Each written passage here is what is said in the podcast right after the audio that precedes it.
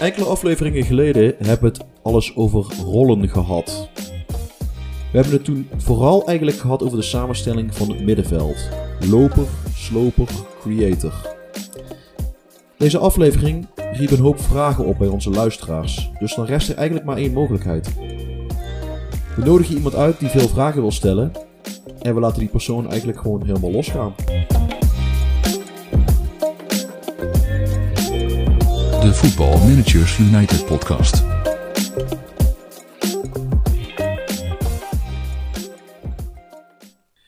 Hallo lieve luisteraars en welkom bij alweer een nieuwe aflevering van de Football Managers United podcast.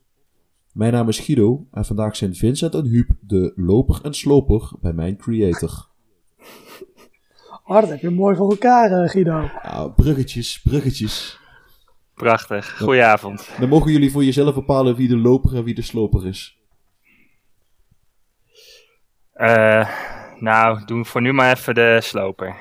Ik, Oh, dat past wel, want eh, ooit hebben ze gedacht, we gaan van Huub een, eh, een fatsoenlijke back maken, maar daar sloopte ik te weinig voor, dus dat is nooit gelukt. je, je miste dat stukje hardheid.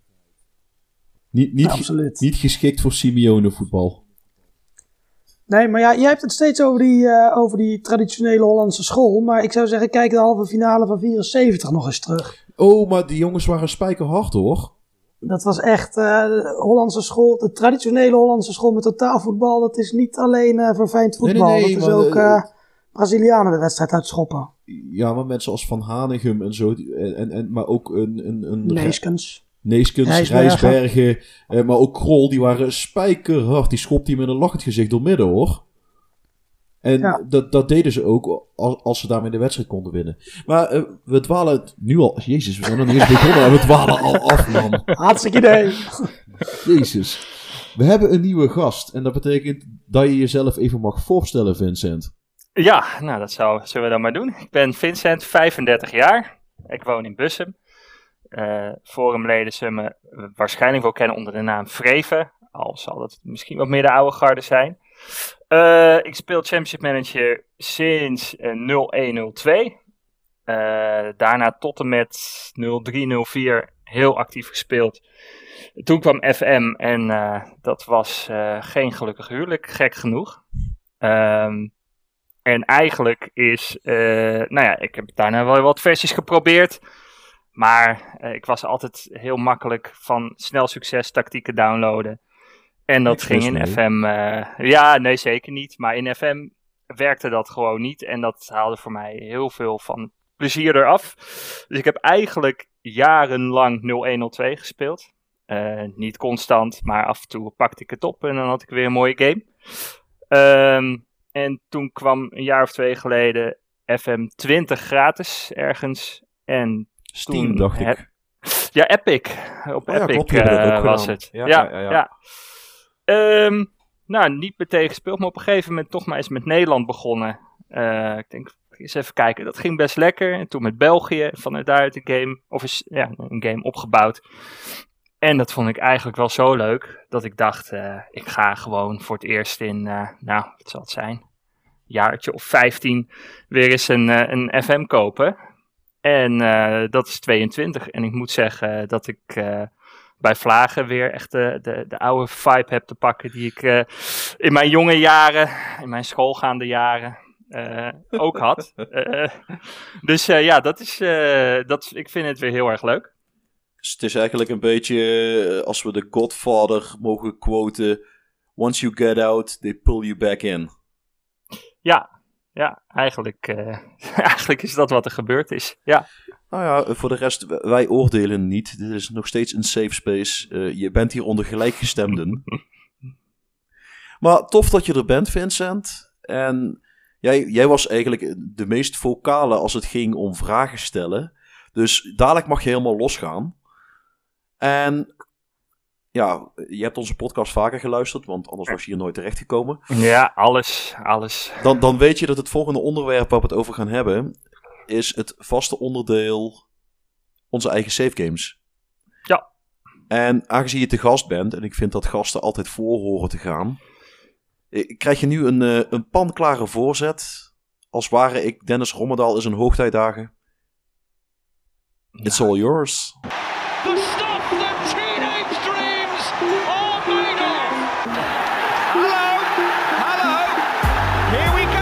Eigen. Ja, ik kop hem vakkundig in. Ik heb eigenlijk de twee lopen op dit moment. Eh, eentje heel saai met Ajax. Eh, dat is eigenlijk waar ik mee eh, begonnen ben een paar maanden terug met FM. Eigenlijk als doel om gewoon eventjes erin te komen. En nou, het eerste seizoen was best succesvol. Eigenlijk mag je niks anders verwachten als je met Ajax speelt. Kampioen, beker, supercup en finale Champions League. Dat vond ik wel vrij verrassend. Ehm, na penalties verloren, wat echt het meest frustrerende is van, van het hele spel, vind ik eigenlijk. Uh, wereldbeker uh, gehaald. En ik denk, nou, die ga ik spelen en dan, dan stop ik ermee. Maar ja, die stopte in de kwartfinale, werd ik uitgeschakeld. Toen dacht ik, ja, ik ga toch wel even verder. Dus uiteindelijk zit ik nu aan het begin van mijn derde seizoen. In tweede seizoen weer titel gewonnen, beker niet. Uh, Supercup wel en kwartfinale Champions League. En eigenlijk neem ik het allemaal niet zo serieus. Ik heb uh, best wel grote spelers gehad. Ik heb AK gehaald, die uh, dwars begon te doen. Dus toen heb ik hem naar uh, Shakhtar gestuurd. Ik denk dat dat zal je leren. en wat uh, Kluivert teruggehaald, Sillissen teruggehaald. Dus het is gewoon een beetje ja, succes halen wat ik leuk vind. En ik heb nog een tweede save staan met Hajduk. Hajduk Split. Um, Mooie club. Is, zeker, ja, absoluut. En dat is eigenlijk heel grappig, omdat ik ooit met 0102 dat ook heb gedaan. En ik vind het leuk om mezelf een beetje uit te dagen. Uh, en ook om iets makkelijker en overzichtelijk, tenminste makkelijk is het niet, maar misschien overzichtelijker. Ik mag alleen maar Kroaten kopen. Uh, en in 0102 heb ik dat een keertje gedaan. En het ging eigenlijk uh, best wel leuk. Uh, alleen toen uh, was er een virusscanner die met een update kwam en de hele boel kapot maakte. Dus die, dat is na vier seizoenen in schoonheid gesneuveld. En nu, ik ben echt net begonnen. Ik heb alleen wat oefenwedstrijden gespeeld. Ehm, maar het, het, lijkt me wel weer leuk om een beetje hetzelfde resultaat te behalen. En wat mijn CM toen heel erg goed gelukt was. Ik heb geloof ik pas in mijn derde of vierde seizoen de eerste echt grote miljoenentransfer de deur uit uh, gedaan. Dus de boel best lang bij elkaar kunnen houden. Dus ik hoop dat dat uh, met deze, misschien ook met de extra tips die ik vandaag ga krijgen, wel weer gaat lukken. Om een net zo leuk uh, game daarvan te maken als, als toen. We gaan ons best doen. Ja. Maar ook, ik vind het wel tof dat je, je houdt ook van cirkeltjes rondmaken. Hè? Tien jaar na dato dan toch weer terugkeren op het oude nest. Ik, uh, ik, dat, uh, het kan mijn goedkeuring wegdragen, Vincent. Ja, ja. Nou, dankjewel. Graag gedaan. Dan uh, springen wij van daaruit door naar Huub, die zijn drie saves in, in tandem aan het spelen is. En waar ben je nu aanbeland, Huub? Nou, drie, het zijn er zes of zeven, geloof ik. Um, nou, aardig. Ik ga zo echt iets over de save vertellen waar ik jullie even over wil bijpraten. Maar mijn uh, de laatste waarvan ik het seizoen heb afgerond was de Club van de Week van de um, Italië-aflevering, Fiorentina. Met de door jou vol instemming aangehaalde Riccardo Saponara. Jazeker. als spelmaker. Hij is dan nog gehuurd, maar met een verplichte transfer, zoals ze dat aan de lopende band doen in Italië. That's how they um, roll. En ik heb, uh, ja, ik lig een beetje overhoop met Chiesa, dat is wel jammer. Is wel een um, beetje je een van je betere spelers inderdaad. Ja, klopt. Ja, en, en eerst wilde hij een nieuw contract. En als ik hem dat aanbood, dan zei ik, ja, dat is goed, dat gaan we regelen. En dan bood ik hem aan en dan zei zijn agent, ja, hij wil niet met je praten, want je bent niet goed genoeg. Oh. Dan zegt hij, ja, maar je, nou hou je niet aan je belofte. Um, en um, nu heb ik dit jaar, in plaats van een mid-table finish, heb ik keurig behalve de finale van de uh, Coppa Italia gehaald, maar helaas verloren, heb ik me ook gekwalificeerd voor Europa League voetbal. Dus nu zegt hij, oh, maar dan wil ik wel blijven. Eh, maar nu wil hij geen nieuw contract tekenen omdat hij boos is vanwege alle bo- verbroken beloftes. Jezus. Ja, ja. En, ehm, maar ja, zijn contract loopt geloof ik nog, eh, eh, nog drie jaar door. Dus eh, Dat worden drie lange, lange, lange jaren. ja, maar voorlopig heb ik wel nog plezier van hem. Je er hebt wel de kans op verzoening. Ja, Je kunt het wel nog goed maken. Inderdaad. En, Heb je het al eens geprobeerd met een bloemetje? Ja, nog niet. Behalve ehm, een mooi. eh, eh, behalve de zoon van eh, Enrico Chiesa. Loopt er volgens mij ook nog een andere zoon. Ik heb hem nu uitgeleend, maar hij gaat een kans krijgen bij mij. Namelijk Janis Hadji. Oh, ja. Ah, Kijk, van George. Eh, Wacht van even. Oh ja, maar jij zit, jij zit in de versie dat hij natuurlijk eh, Ik- nog ik- niet naar ik- Rangers vertrokken is. En, nee, klopt, want ik zit er nog in FM18. En in de spits loopt, eh, naast Babak, Babakar, loopt ook Giovanni Simeone. Dus ik heb eh, van drie legendes de zonen in mijn elftal. Nou heb ik gedacht, zal ik kijken of ik een eh, elftal vol met zonen kan krijgen. Maar ik denk dat dat een iets te grote uitdaging is. Nou, Ehm, ik denk als je een iets, eh, iets meer recente versie gaat spelen, dan zou je dus bijvoorbeeld voor Haaland nog eens een keer erbij kunnen. Wat heb je dan voor een voorhoede? Chiesa, Simeone, Ha- Ha- Haaland. Haaland. Haaland zit al in FM18, maar dan moet je wel de Noorse competitie eh, loaden. En dan is hij een eh, groot talent dat eh, niet veel opgemerkt wordt. Dus ik wil hem ook met één van mijn saves nog een keer halen.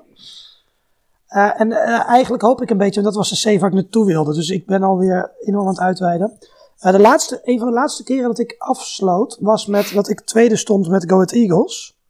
Na twee wedstrijden of zo. Eh, dat seizoen heb ik ook afgerond. Eh, en ik heb een prachtige aanval, maar eh, verder houdt het niet over. Dus ik ben maar net boven de na-competitiestreep geëindigd. Oei. Maar ik ben daar ook een beetje lukraak spelers aan het halen waarvan ik denk dat zou wel iets kunnen worden.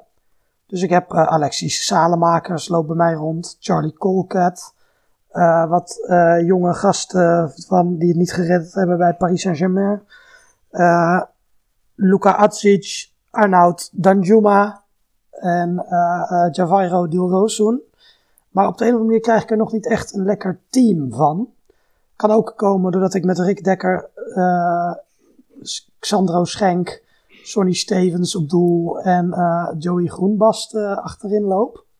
En Oranje Par mijn beste middenvelder is. Die het verrassend goed doet trouwens. Maar ehm, ja, misschien heb ik iets te veel op de aanval gefocust. Maar dat is dus een. eh, ik ga daar een nieuw eredivisie seizoen in eh, binnenkort. En eh, dan hoop ik echt wat te kunnen stijgen. En gewoon, net als Go Ahead Eagles in het echt nu uit de degradatiezorg te kunnen blijven. Snap ik. Ik, ik. ik moest trouwens nog eens heel even denken aan dat zonen van verhaal. Want dat intrigeert mij dan. Ja, mij ook. kan, en ik was even aan het denken. Ik denk dat je wel een, een, een super zwaar aanvallend team krijgt. Want ik denk dan bijvoorbeeld ook aan Marcus Thuram. En eh, zijn jongere broer Kefren Thuram. Dat zijn alle, de ene is een aanvaller, de ander een, een, een middenvelder. Eh, Daniel Maldini, maar dat is ook een linksbuiten. Eh, ik, Je hebt een goede keeper, hè, Smigel? Smigel, ja. Ja, ik zat, eh, ik zat bij de keeper zelfs te denken nog aan Filip Stankovic. eh, de, de zoon van Dejan Stankovic. Ja, ja, ik kan natuurlijk ook proberen om Joe van der Sar te halen. Ja, maar je wil wel een beetje een fatsoenlijke keeper. Ja, misschien is hij Ja, heel goed in de kleedkamer. Eh. Gio Reina is eh, de zoon van een, eh, van een profvoetballer. Maar dat is ook weer een aanvallend ingestelde speler. Eh, volgens Oh, mij... maar ik, ik, ik voel hier wel een leuke nieuwe challenge aankomen. Ja, ik, ik, en ik denk, eh, volgens mij zijn er ook nog een, van die Gudjonsons. Er zullen er vast nog wel een paar van actief zijn ergens. Ja, ja en, en anders kun je ook altijd nog zeggen dat je in bredere zin ook eh, broertjes eh, gaat nemen natuurlijk. Want dan, hè, dan, dan, dan dat opent ook voor verdedigers de ruimte nog wat. Nee, maar daarom, ik, ik, ik heb vooral eigenlijk moeite. Want kijk, als zoontje van, ik, ik vind Daily Blind, ja, is dan een verdediger. Eh, maar eigenlijk, ja goed, dat is eigenlijk de enige zoon van in de achterhoede waar ik zo even snel op kom. Waarvan ik denk, nou daar heb je ook daadwerkelijk wat aan. Ja, Want Nee, eh, ik denk ook nog ineens aan Justin Kluivert. Maar ja, dat, ik zit vooral denk ik met de achterhoede waarvan ik denk, ik, ik weet niet of we die van de grond zouden krijgen. Maxime Gullit. En eh Kluivert heeft toch ook een zoon? eh, is dat Ja, niet Ru- Ruben, die, bij verdediger- Utrecht ja. speelt, ja. Ja, Maar dan heb je dus Ja. voorin heb je spelers van Borussia Dortmund voor wereldklasse niveau. En dan treed je achterin aan met Maxime Gullit en Ruben Kluivert. ja, Ja, nee, dat- gaat ja. het. Ja, ja Iets- nee, iets dat- met dat balans. ga je niet redden. Ja, Iets, ja. iets met balans. dan, maar krijg dan je een beetje, dan krijg je een beetje het team zoals mijn Go Ahead Eagles team. eh. Ja, precies. Aanvallend is het heel imponerend. En achterin geef je de goals weg. Maar dat is trouwens ook weer een mooi, een mooi bruggetje naar mijn save. Want aanvallend zijn we heel imponerend. En achterin eh, lekken we doelpunten eh, like a motherfucker. Namelijk, ik zit nog steeds bij de Houston Dynamo. Dit is mijn laatste seizoen. Ik heb net de, de vanmiddag heb ik de laatste wedstrijd gespeeld met Houston Dynamo. Eh, dat was het winnen van de MLS Cup. Waar de Eastern Conference tegen de Western Conference uitkomt. Toen heb ik met 3-1 naar verlenging gewonnen van... Ik dacht dat het New England Revolution was. En dan zit het seizoen erop. En ik heb eigenlijk nog maar één speler in mijn Poképlayer openstaan die ik nog moest afvinken. Met namelijk mijn spits uit Swaziland is op 18 wedstrijden geëindigd. En ik ben me nu bedenken of ik nog die twee wedstrijden in het nieuwe seizoen meepak en dan ontslag neem. Of dat ik eigenlijk gewoon per direct ontslag neem. Want er zijn in de competities waar ik naartoe wil ook op het moment geen banen vrij. En toen dacht ik, ja, misschien wil ik nog één keer een, eh, een Noord-Amerikaanse Champions League meepakken. Maar dan ben ik zo weer een half jaar verder. En dan moet ik in die andere competities weer halverwege het seizoen instappen. Dat is eigenlijk ook weer ruk. Dus ik denk erover om gewoon Swaziland als eh, lost cause te beschouwen. En dan in Australië of in Hongkong dan maar te kijken of ik daar een, eh, een nieuwe Swazilander kan importeren. Maar ik, had het over ehm, aanvallend, imponerend en verdedigend ruk. Want daar, eh, daar is uiteraard een reden voor waarom wij verdedigend ruk waren. Dat heeft namelijk te maken met een aantal nationaliteiten die dit jaar geprobeerd hebben. Sorry, die ik heb afgevinkt. Als controleur op het middenveld had ik namelijk een speler uit de Koekeilanden staan. Owen Manuel.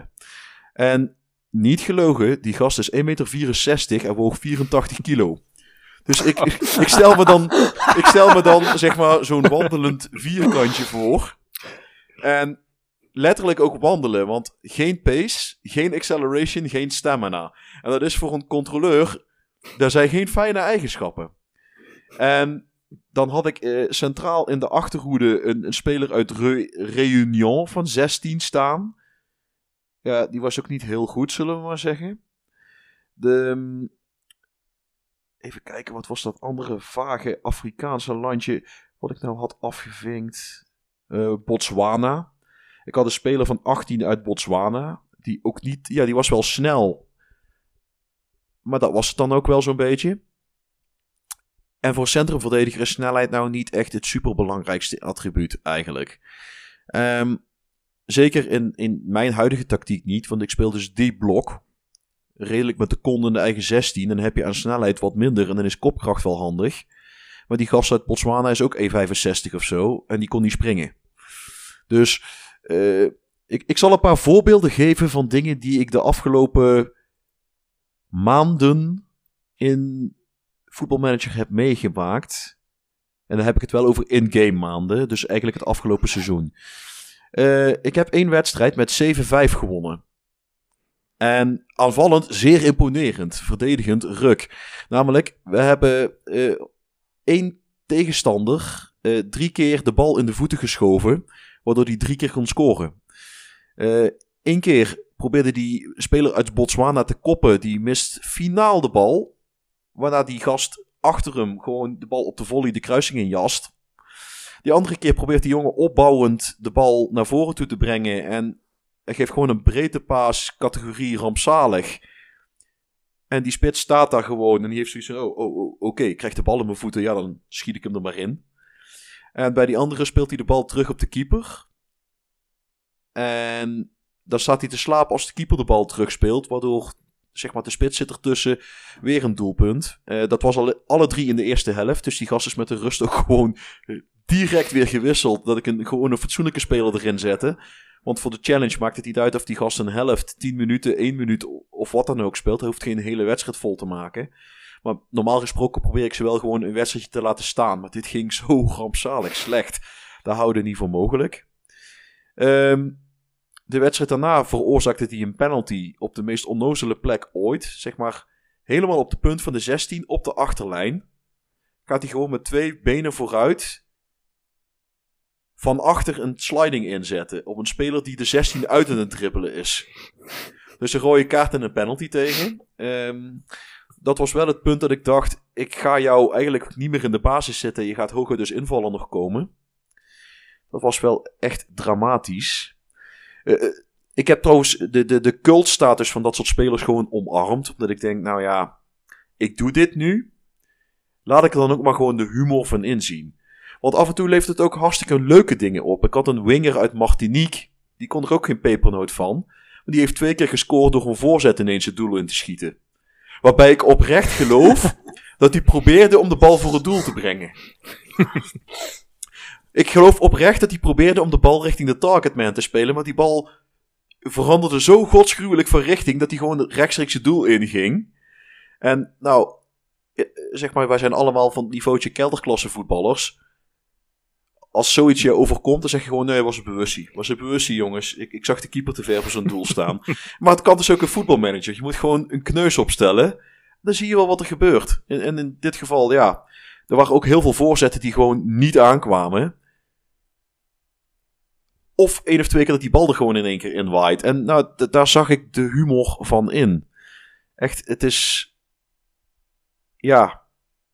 Het is uniek. Laten we het daarop houden. Ik, ik vond het lachen. Ik, ik kon erom lachen. Uh, ik heb wel, uh, als ik even naar mijn Poképlayer Challenge spreadsheet ga, want hè, zo, dat is hoe wij nerds rollen. Uh, dan heb je een spreadsheet om bij te houden wat je aan het doen bent.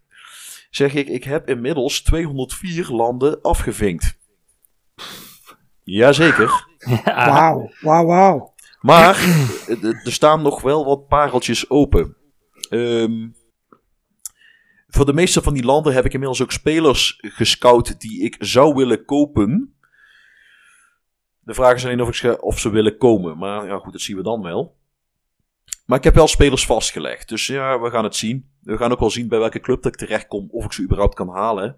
Want ik zit er wel aan te denken om gewoon mijn ontslag dus in te dienen. Want anders dan blijf ik in de MLS hangen. En dat is eigenlijk misschien wel te makkelijk. Omdat daar geen bijna geen restricties zijn qua buitenlanders, kun je best wel een beetje doorpakken. En na zes of zeven jaar heb ik het er ook wel weer gezien. Dus ik ga kijken of de Australische E-League of de Hongkong. Nou, de Hongkong Premier Division, noem het maar gewoon. Uh, dus we gaan kijken waar ik eindig. Van daaruit, hè, totaal gebrek aan balans, veel tegendoelpunten, maar wel veel doelpunten scoren, uh, kom ik denk ik wel op komen we denk ik terecht bij het, eh, bij het thema. It's just the most extraordinary scenario you could have dreamt of. The unthinkable unfolds before our eyes. Het thema van de week. De, de combinaties. Niet elke rol matcht met wat je wil bereiken qua speelstijl. Bepaalde rollen passen niet bij je speelstijl of gaan niet goed samen. En jullie hadden vooral vragen en ik heb geprobeerd om voorbeelden te, van, ik, ik, heb me voorbereid, ik heb een aantal dingen voorbereid en ik ga eens kijken in hoeverre dat jullie vragen gaan matchen met wat ik heb voorbereid. Ik, ik laat me verrassen, dit is een uh, improvisatiescript. uh, zou ik maar beginnen? Ja, um, come at me.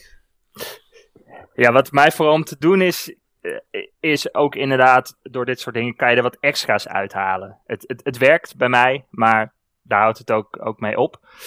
En waar het eigenlijk al, al bij mij bij, uh, ja, al begint, is die twee achterin. Je kan er van alles mee doen. Absoluut. Um, maar ja, kan je ze allebei ballplaying zetten? Uh, heeft dat zin? Um, ja. Nou, eh, ik, ik ga voorzichtig beginnen. Uh, kun je ze allebei op ballplaying defender zetten? Ja. Dat kan. Maar bekijk dan, of bedenk dan, de ballplaying defender zal dan eigenlijk de rol van spelmaker van achteruit overnemen. Als jij dan op het verdedigende middenveld ook een spelmaker neerzet, dan heb je eigenlijk vrij weinig aan die ballplaying defender. Want dan heb je daar nog een derde speler staan die hetzelfde gaat proberen. Uh, je kunt ze allebei op ballplaying zetten. Zou niet mijn voorkeur hebben, omdat ze dan allebei best veel risico gaan nemen in, in wat ze doen. Terwijl ik altijd geloof in, je hebt één speler die probeert te voetballen en je hebt eentje die dan een beetje erachter blijft hangen voor het geval dat het misgaat. Maar het, het kan in beginsel wel. Uh, vergelijk het met toen Ajax met uh, Davinson Sanchez en Matthijs de Licht achterin speelde. Dat waren allebei verdedigers die nog wel eens met de bal aan de voet naar voren toe wilden stomen. Dus je zou dat allebei kunnen zien als ballplaying defenders. Waarbij de een wat meer ging dribbelen en de ander wat beter met pasen was. Maar het waren in dat opzicht zou je het kunnen verkopen als allebei ballplaying defenders. Dus het, het kan wel. Mits je daar dan niet een enorme spelmaker voor zet die de bal komt ophalen en vandaag het spel gaat verdelen. Dan zou je misschien een afpakker ervoor moeten zetten. Bijvoorbeeld, in ieder geval een speler die de balans bewaart. Uh, of dat nou een ball-winning midfielder is of een anchorman of gewoon een hele standaard defensive midfielder op defend of support. Dat kan. Je, je zou zelfs voor een, uh, een blok van twee Segundo Volantes kunnen gaan, want dat zijn vooral lopers. Dus als die weglopen, dan is er ook ruimte voor die ballplaying defender om in te dribbelen. En, en lopende opties om die bal kwijt te kunnen. Dus het ligt ook een beetje aan de, de speelstijl die je eraan koppelt. Oké. Maar eh, om, om je initiële vraag te beantwoorden, ja, het kan. Mits. Ja. Je zorgt Ja, dat het ja. eromheen ook klopt. Ja, eigenlijk wel. Maar dat is denk ik bij al die situaties. Het, moet er omheen kloppen. Het totaalplaatje moet kloppen. Ik moet zeggen, ik heb laatst een keer geprobeerd om. ehm, want ik vond dat er. eh, ik wilde nogal met druk spelen. En eh, ik zag dat soms mijn centrale verdedigers. eh, nogal wegliepen. Of zeg maar dat een spits wat wegliep. En dan alle ruimte kreeg om een bal aan te nemen en te draaien. En een lopende speler uit te zoeken. Dus ik dacht. Ik zet ze eens allebei op stopper. Dat was niet zo'n succes. dat kan. Je kunt twee Nee, centrale het verdedigers. kan vast, maar Ja, maar dan, ik ga dan het heb je, snel nog een keer proberen. dan heb je eigenlijk. Moet je dan met drie centrale verdedigers gaan spelen. Waarbij je er twee op stopper zet. En eentje wat meer op cover. Die er ook achter blijft hangen. Voor het geval dat ze die tackle missen. Of voor het geval dat ze het duel niet winnen. Om te voorkomen dat het achterin open ligt als een, eh, als een gatenkastje. Ja, nee, ik deed het met eh, in een viermansverdediging en allebei mijn centrale man op stoppen. Dat eh, ga ik niet nog een keer proberen. Dat, dat is enigszins risky. Vooral als je dan ook nog met eh zonnedekking gaat spelen. Ja, En wa- waarvan ik vermoed, als ik jouw verhaal zo aanhoor, dat ze allebei in de zonnedekking speelden. ja, Want als ze allebei gaan lopen, dan is het vaak op de rand van de zone. En dan stappen ze allebei uit. En dan heb je inderdaad. Ja, dan, dan krijg je dat soort toestanden. Maar om, eh, om even nog wat uitgebreider antwoord te geven op Vincent's initiële vraag: wat kun je daar achterin eigenlijk? En dan ligt het ook weer een beetje met: wat wil je wat ze gaan doen? En voor mijn gevoel zijn er een viertal taken die een centrumverdediger kan invullen. Nou, waarvan de primaire is verdedigen. En dat splits ik dan weer uit in de man afdekken of de zone bewaken. En een beetje afhankelijk van hoe je het dus wil opzetten. Die andere optie is druk zetten. Naar voren toe dus. Druk zetten naar voren. En je zou je centrumverdediger de opdracht kunnen geven om te creëren. Om de opbouw te verzorgen. Eh net zoals bij dat middenveld weer, dan ga je weer die cocktail maken. Wie doet wat in die achterste lijn? Eén man alles laten doen is vragen om problemen. Maar één of twee taken bij een speler neerleggen, dat kan wel. En dan tel ik voor het gemak even een verdedigende middenvelder mee bij de achterste lijn. Maar e- ergens over die drie, vier, vijf spelers die daar staan, zul je die taken weer moeten gaan verdelen. Eh, wie zet er druk? Wie verdedigt er echt een mannetje? Of pakken we allemaal de zone? Heb ik één speler die wat agressiever speelt? En heb ik een speler die wat meer de ruimte bewaakt? Eh, wie zorgt er voor de opbouw naar voren toe? Is dat de middenvelder of is dat een van de verdedigers achterin? Of laat ik dat juist door een van de backs doen? Je probeert de rollen enigszins te verdelen. En dan, nou, dan zit je ook nog met de, met de duties waar je mee kunt klooien. Namelijk centraal achterin heb je niet support, attack en defend, maar stopper, cover en defend. Dus daar kun je ook nog mee variëren. De stopper is, zoals uh, Huub terecht aangaf, de agressief uitstappende verdediger. Uh, denk aan nou, vroeger een, een Jaap Stam, die echt bij wijze van spreken tot aan de zijlijn zijn man volgde om hem uit te schakelen als het nodig was. Uh, cover heb je wat meer over de, de afwachtende verdediger die vooral de zone en de balans bewaakt. Nou, met name de Italianen hadden daar een paar schitterende voetballers voor die het moment herkenden om uit te stappen en het moment herkenden om juist de zone te bewaken. Ik denk bijvoorbeeld aan een Baresi of een Maldini als die wat meer centraal speelden, waren daar meesters in.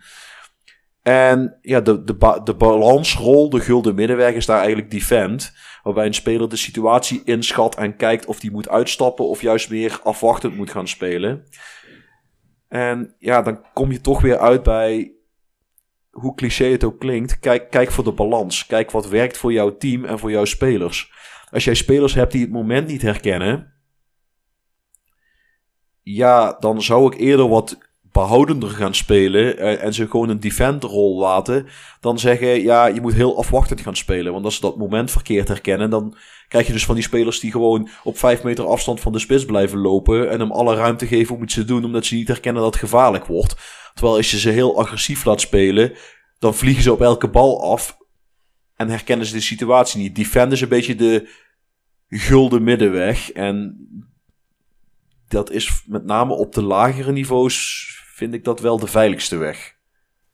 Zo. Ja, dat, dat, dat herken ik wel. De, um, uh, de cover, dat is wat meer de, um, de laatste man variant, zeg maar. Je hebt natuurlijk in voetbalmanager in theorie ook nog de sweeper, maar die gebruikt niemand.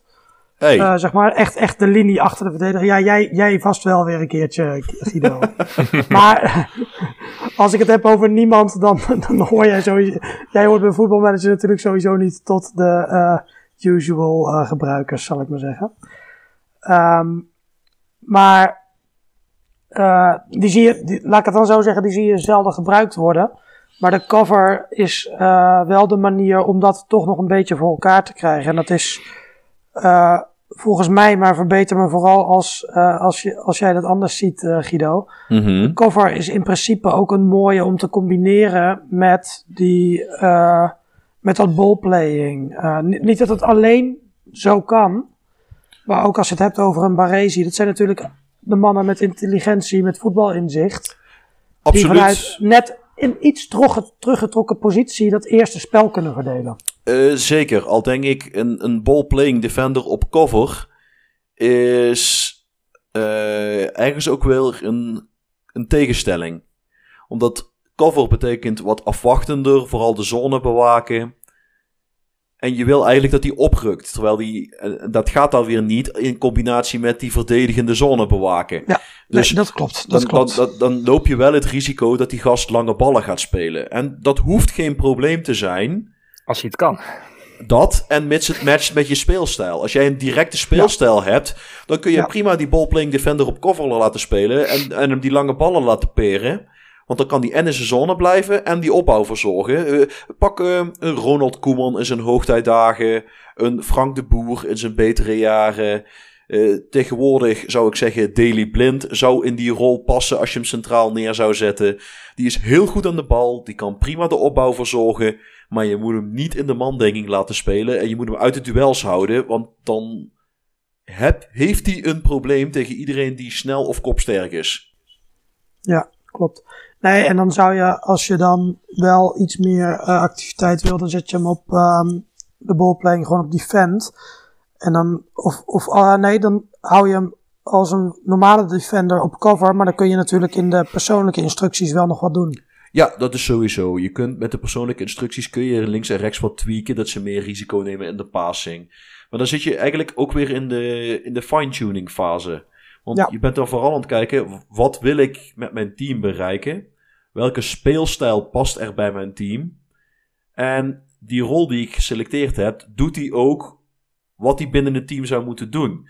Ik zal je een ander voorbeeld geven. Als jij een hele directe speelstijl hebt, dan heb je in beginsel geen ruk aan complete wingbacks.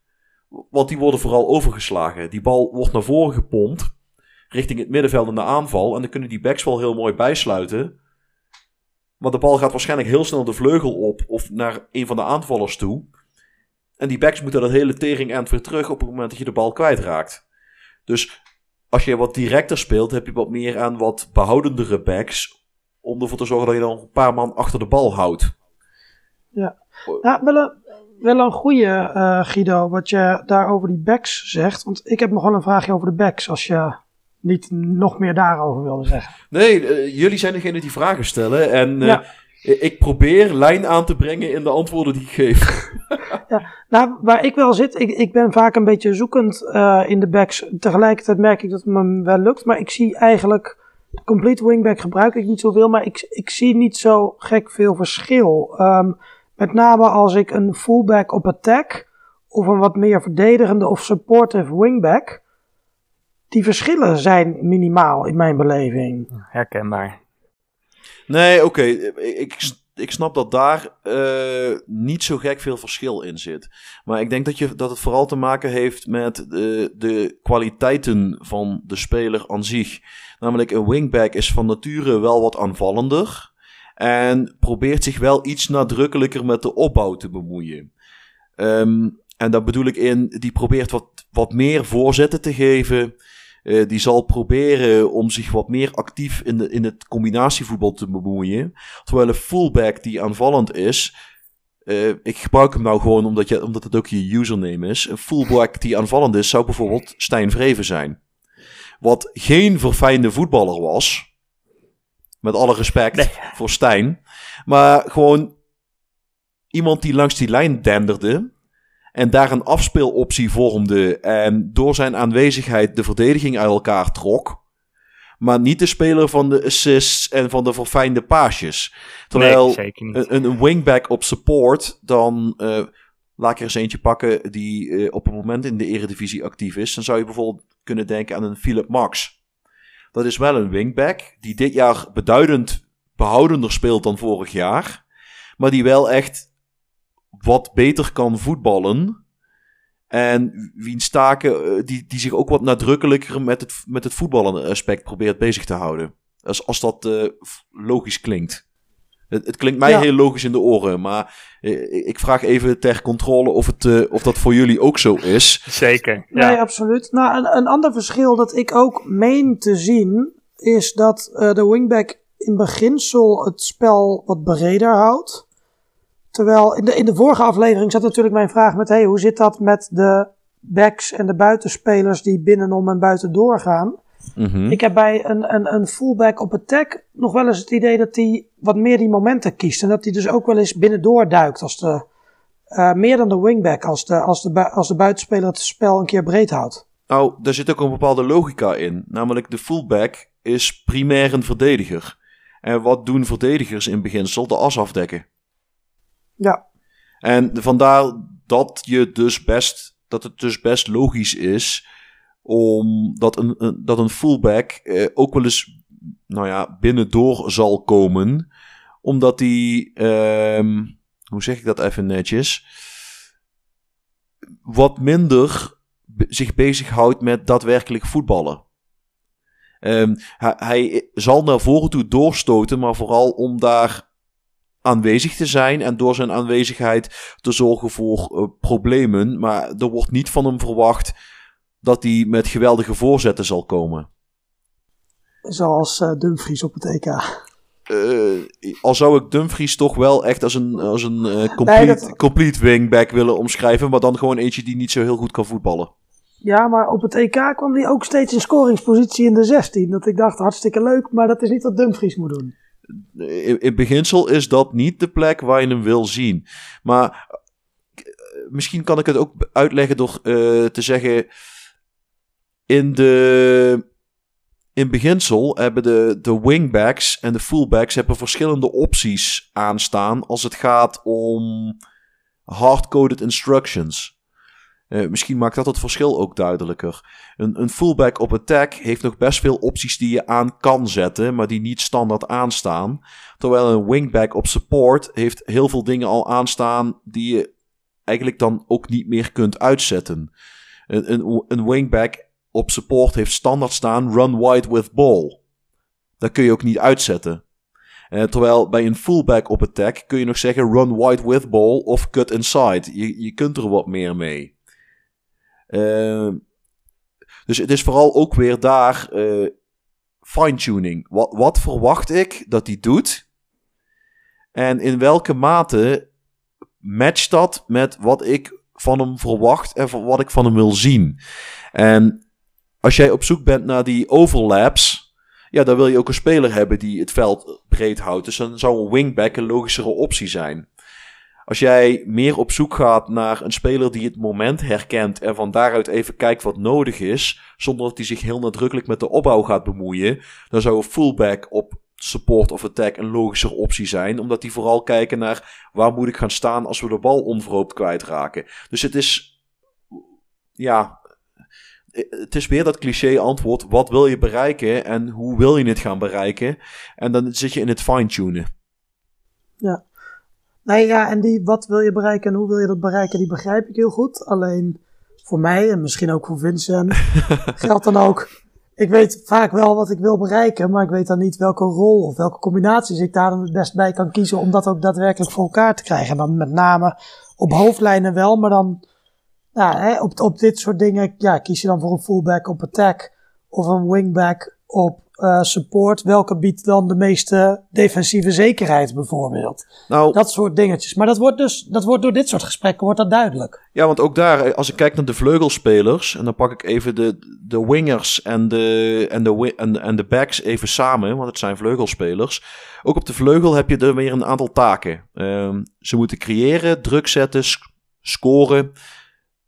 En dan heb je twee manieren van de verdediging uitrekken. Je kunt de verdediging in, in horizontale zin oprekken, door het veld breed te houden. Of je kunt zorgen voor penetratie achter de laatste linie, oftewel diepgang. En je kunt zelfs ervoor kiezen om een, eh, om een aanspeelpunt aan de vleugel neer te zetten. Je hebt de white target man die je kunt gebruiken, maar ook een, inverted wingback eh, is vaak een aanspeelpunt in, in, die, in die zin. En ja, je hebt ook weer het, het stukje verdedigen. En dat kun je doen. Nou ja, je kunt bijvoorbeeld ook prima een complete wingback combineren met een defensive winger ervoor. Die wingback zal misschien niet zo heel erg verdedigen, maar die defensive winger, de naam zegt het al, die doet dat wel. Die verdedigt wel, weliswaar heel erg naar voren toe, maar hij zal ook mee inzakken als dat nodig is. Dus het is een beetje van, ja, weer de balans. Wat, wat wil je? En dan grijp ik wel weer even terug naar onze Kruif-aflevering. Als je twee man op de vleugel hebt staan, zorg dan dat ze niet allebei ongeveer hetzelfde doen. Eentje gaat naar binnen, eentje blijft aan de buitenkant. En of het dan de, de back is die aan de binnenkant eroverheen komt. En terwijl de buitenspeler het veld breed houdt. Of dat de buitenspeler naar binnen gaat en de back klapt er aan de buitenkant overheen. Dat maakt niet zo heel veel uit. Maar niet allebei naar binnen toe en niet allebei aan de buitenkant. Je- je- da- daar zul je wel mee moeten variëren. Ben ik van mening. En als je bijvoorbeeld kijkt, eh, hoe zinvol is het? Ik, ik heb nu even mijn Ajax-formatie voor me. Die staan twee wingbacks op support. Maar hoe zinvol is het om daar eh, een verschil in te doen? Dus dat je bijvoorbeeld eentje op wingback attack en de ander support. Of zelfs fullback en de ander wingback. En hoe, ja, hoe, je hebt natuurlijk ook nog vleugels daarvoor. De, de echt En, aanvallende en, en vleugelspelers. middenvelders. Ja, hoe, ja, Nou, is ik- dat slim of moet je dat eigenlijk bij voorkeur gewoon gelijk houden? Je hoeft het niet gelijk te houden. Want A, geen enkele speler aan dezelfde kant is gelijk. Eh, Laat ik dan even het voorbeeld van Ajax pakken nu, van dit seizoen. Ehm Masraoui en Taljafico werden zelden tegelijkertijd opgesteld. Want dat zijn vergelijkbare spelers met veel drang naar voren toe. Maar vaker was het zo dat als Masraoui speelde aan de ene kant, stond aan de andere kant Blind, die wat behoudender speelde. Niet dat hij nooit naar voren ging, maar Masroui had veel meer diepgang, kwam veel meer in de buurt van de 16, terwijl Blind vaak wat, wat dieper speelde en zich van daaruit wat meer met de opbouw bemoeide, met lange ballen en crosspasses. Eh, andersom, als Taljafico speelde, dan kwam het ook vaker voor dat bijvoorbeeld Jurien Timber wat meer als back werd ingezet, want die is van nature wat behoudender en zorgt daarvoor, daarmee voor een stukje balans. Dat heeft ook weer te maken met eh, de indeling van je middenveld en van je vleugelspelers. Eh, vergelijk het met als Taljafico speelde, dan stond er op links buiten vaak een speler die naar binnen kwam. Want dan kon Taljafico aan de buitenkant eroverheen klappen. Aan de andere kant, als Blind speelde, dan stond er aan de buitenkant op links vaak weer een speler die het veld meer wat breder hield. Want Tadic zag je ook regelmatig gewoon echt tegen de zijlijn aangeplakt staan.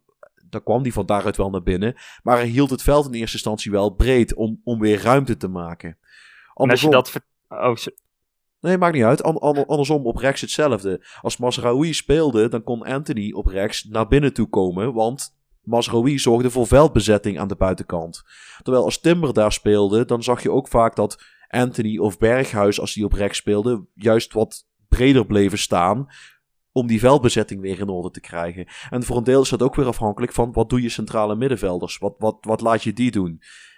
Eh, ik, pak, ik pak even nou mijn eigen eh, formatie als voorbeeld. Ik heb eh, twee centrale middenvelders, waarvan eentje is een centrale middenvelder die aanvallend speelt. Echt heel erg aanvallend. Central midfielder on attack. Dus die, gaat, die duikt echt de 16 in. Wat heb ik met die back gedaan? Die, daar heb ik een inverted wingback van gemaakt.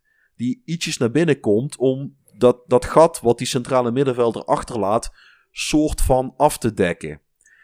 Dan heb ik aan die kant ook een defensive winger neergezet. Die druk zet aan die kant. En zo heb ik min of meer die zone afgedekt. Terwijl aan de andere kant heb ik een fullback op attack staan. En een wide playmaker.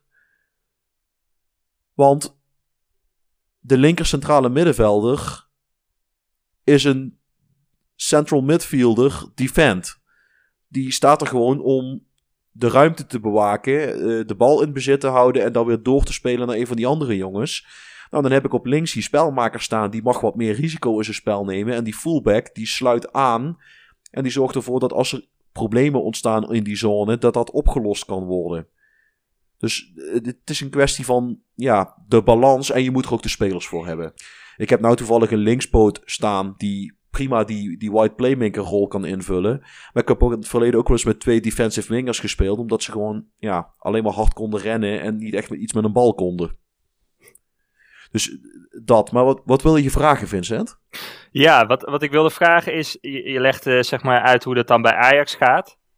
Maar hoe, naar welke rollen en mentaliteiten zou je, zou je dat dan eh, eh, vertalen?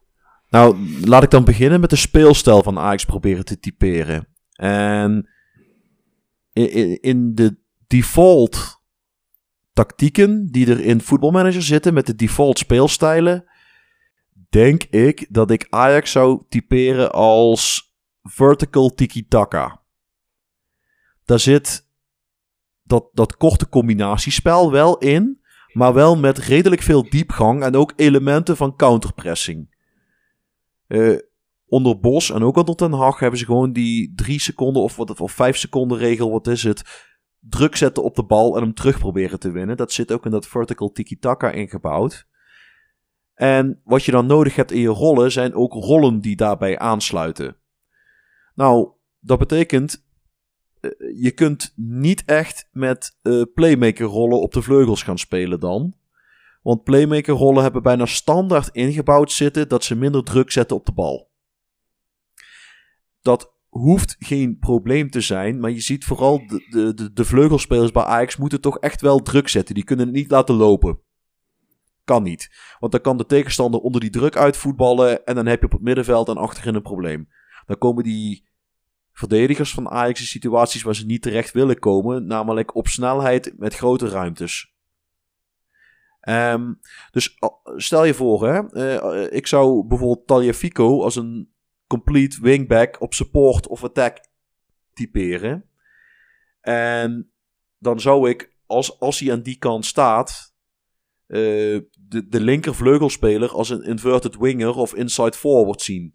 Weet je, afhankelijk van hoezeer die naar het doel toe speelt. De inverted winger is meer van de voorbereiding aan die, uh, in die half spaces, terwijl de inside forward echt wat doelgerichter is. En dan zeg ik meestal, en dan ligt het ook weer aan de spits die er staat, als Haller in de punt staat, dan is het meer vanuit die halfspace proberen de voorbereiding in te kleuren. Zo zou ik het meer als een inverted winger zien en niet als een inside forward. Terwijl als Tadic in de punt staat en een andere speler de linksbuitenpositie in, invult, dan kun je hem rustig als inside forward zien. Want dan ligt er ook die ruimte om zelf voor doelgevaar te zorgen. Dus het, het een ja, je kunt het niet geïsoleerd zien. Het is altijd een samenspel van rollen. En kijken, hoe, wat wil ik daarmee? Hoe, hoe wil ik het inkleuren? Ik zie nu dat ik het inderdaad precies tegenovergesteld heb van hoe jij uh, uitlegt dat het... Uh, Zou kunnen, hè? de beste... ja, ja, Haller in de spits, maar de wingers op, uh, op inside forward heb ik nu staan. Ja, dan, dan moet je je af gaan vragen, zeg maar eh, laten we even inzoomen op onze grote vriend Haller. Zijn, zijn kwaliteiten liggen vooral in het, uh, in het afmaken. En het is niet het type speler wat de bal graag in de, voetje, in de voetjes krijgt. Die hij daar niks mee kan. Maar hij is vooral goed als hij de ruimte in kan. Um, als hij in de 16 vrij kan komen en dan één of twee balcontacten en dan moet het, moet een schot of een kopbal op doel zijn. Dus je moet wel voor aanvoer zorgen. En die aanvoer zal in beginsel van een, een, een spelmaker op 10 moeten komen en van één of twee van de vleugelspelers. Nou, je kunt zeggen, uh, ik laat het van de backs komen, helemaal. Maar dan zit je dus met drie spelers in de 16, die twee inside forwards en je spits, die daar eigenlijk gewoon alleen maar balletjes staan af te wachten. En terwijl die backs zich het lopen. En nou, ik durf te wedden dat jouw backs dat geen hele wedstrijd kunnen. Uh, nee. Dus dan, je gaat weer op een gegeven moment kijken naar de balans. Uh, of je moet de hele tijd die back wisselen na 70 minuten, omdat die op is. Kan. Uh, maar dan ben je dus, als je allebei de backs dat doen, dan ben je dus, ben je dus al twee wissels kwijt. Ja, en, van uh, drie helaas. zo, ja, vijf wissels was zo echt ideaal. Wat dat betreft. Dus met andere woorden, je gaat kijken naar balans. En dat, dat zie je dat, nou ja, Ten Hag ook wel eens doet. Eh, de ene keer spelen ze spelen de ene keer wat aanvallender aan die kant en bijvoorbeeld de tweede helft wat behoudender. Juist om ook kracht te sparen. Je kunt niet 90 minuten lang blijven razen. Ik bedoel, we hebben in de Champions League afgelopen week gezien dat uh, Man City en Liverpool hebben er. Oh nee, dat was niet de Champions League, was een Premier League, sorry. Uh, die hebben er echt een enorm voetbalgevecht van gemaakt. Maar zelfs die konden maar 60, 70 minuten lang die intensiteit volhouden. Laat staan wat wij in de Eredivisie geregeld krijgen. Laat staan wat je op nog lagere niveaus geregeld krijgt. als je met spelers speelt uit de Turks en Caicos-eilanden, Martinique en Réunion. Dus oh, ja, daar gaan we weer. Balans, balans, balans. Wat, wat wil je bereiken? Hoe matcht dat met je speelstijl? Hoe matcht dat met je rollen? Ik, ik klink een beetje als een broken record. Dat, uh, dat besef ik mij terdege. Ja. nou, nou um, wel uh, goed dat je dat aangeeft. Uh, want ik heb over balans specifiek nog een vraagje, Guido. Fire. Uh, en dat heeft vooral te maken met de 4-2-3-1. Ja. Ik speel namelijk eigenlijk altijd of 4-2-3-1 of 4-3-3. Ja. Um, en de 4-2-3-1 die, die krijg ik nooit zo lekker geregeld, omdat het mij niet lukt met die twee centrale middenvelders. Um, Oké. Okay. En ik zal ook aangeven, gewoon, het, verdedigend is het niet zo sterk. En ik mis daar eigenlijk een goede balansrol. Omdat, volgens mij heb je eigenlijk twee opties. Ja. Namelijk de ball-winning midfielder. Maar, maar, maar daar valt mij op dat als de teamgenoten die over kunnen slaan in het positiespel, dan doen ze dat. Ja, zelfs, maar... zelfs als het een voetballer is die op zich qua attributen uh, prima uh, aan de bal kan of de uh, central midfielder op uh, defend? Nou, ik ga je een vraag stellen. En de vraag heeft te maken met je speelstijl. Speel jij met aanvallend ingestelde. Heb je een aanvallende speelstijl? Uh, nou, meestal uh, positive, zeg maar. En is dat met directe passing of, of wat kortere passing? Uh, korter of gemixt. Korter of gemixt. En heb je wel eens gekeken naar wat een uh, ball-winning midfielder hard-coded heeft als instructies? Ja, korte paasjes, toch? Precies, een, een ball-running midfielder zal geen risico nemen in zijn passing. Dus als jij aanvallend speelt en je wil dat het tempo hoog ligt en dat ze snel op zoek gaan naar een doelpunt, wie sla je dan over? De speler die geen risico in zijn spel legt. Terwijl als jij, ik noem maar eens wat, ehm, als jij op balbezit speelt en je probeert heel geduldig en zorgvuldig een opening te zoeken, dan wordt die speler rustig meegenomen. Want dat is de speler die de bal in de ploeg houdt en vervolgens de balans in de gaten houdt. Dus dat, dat zou een dingetje kunnen zijn. Wat ik leuk vind aan de central midfielder op defend is eigenlijk gewoon dat het een, een dan ga ik even voor Erik Stokpaardje, een, een blanco rol is. Die is grotendeels te customizen met wat je wil dat hij doet. En daar gaat het er dan eigenlijk weer om. Hè? Dan gaan we weer naar het centrale middenveld. Loper, sloper en creator. Wie doet wat en wat staat er vervolgens om die gast heen? Nou, Ja, eh, nou ja, nou, ja dat, dat is goed dat je dat zegt. Want ik mis dan zeg maar een beetje, want die, die heb ik redelijk, die centrale midden op defend. Maar ik zit altijd een beetje, ja, wat, wat moet ik dan met die andere centrale middenvelder? Wat, wat is nou een rol die daar goed bij past?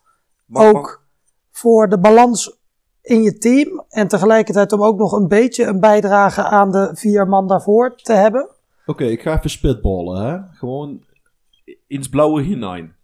Mhm. Ehm, ik ga even een gok wagen dat je eigenlijk wil dat een van die centrale middenvelders ook nog wat doelpuntjes meepikt. Als het even kan.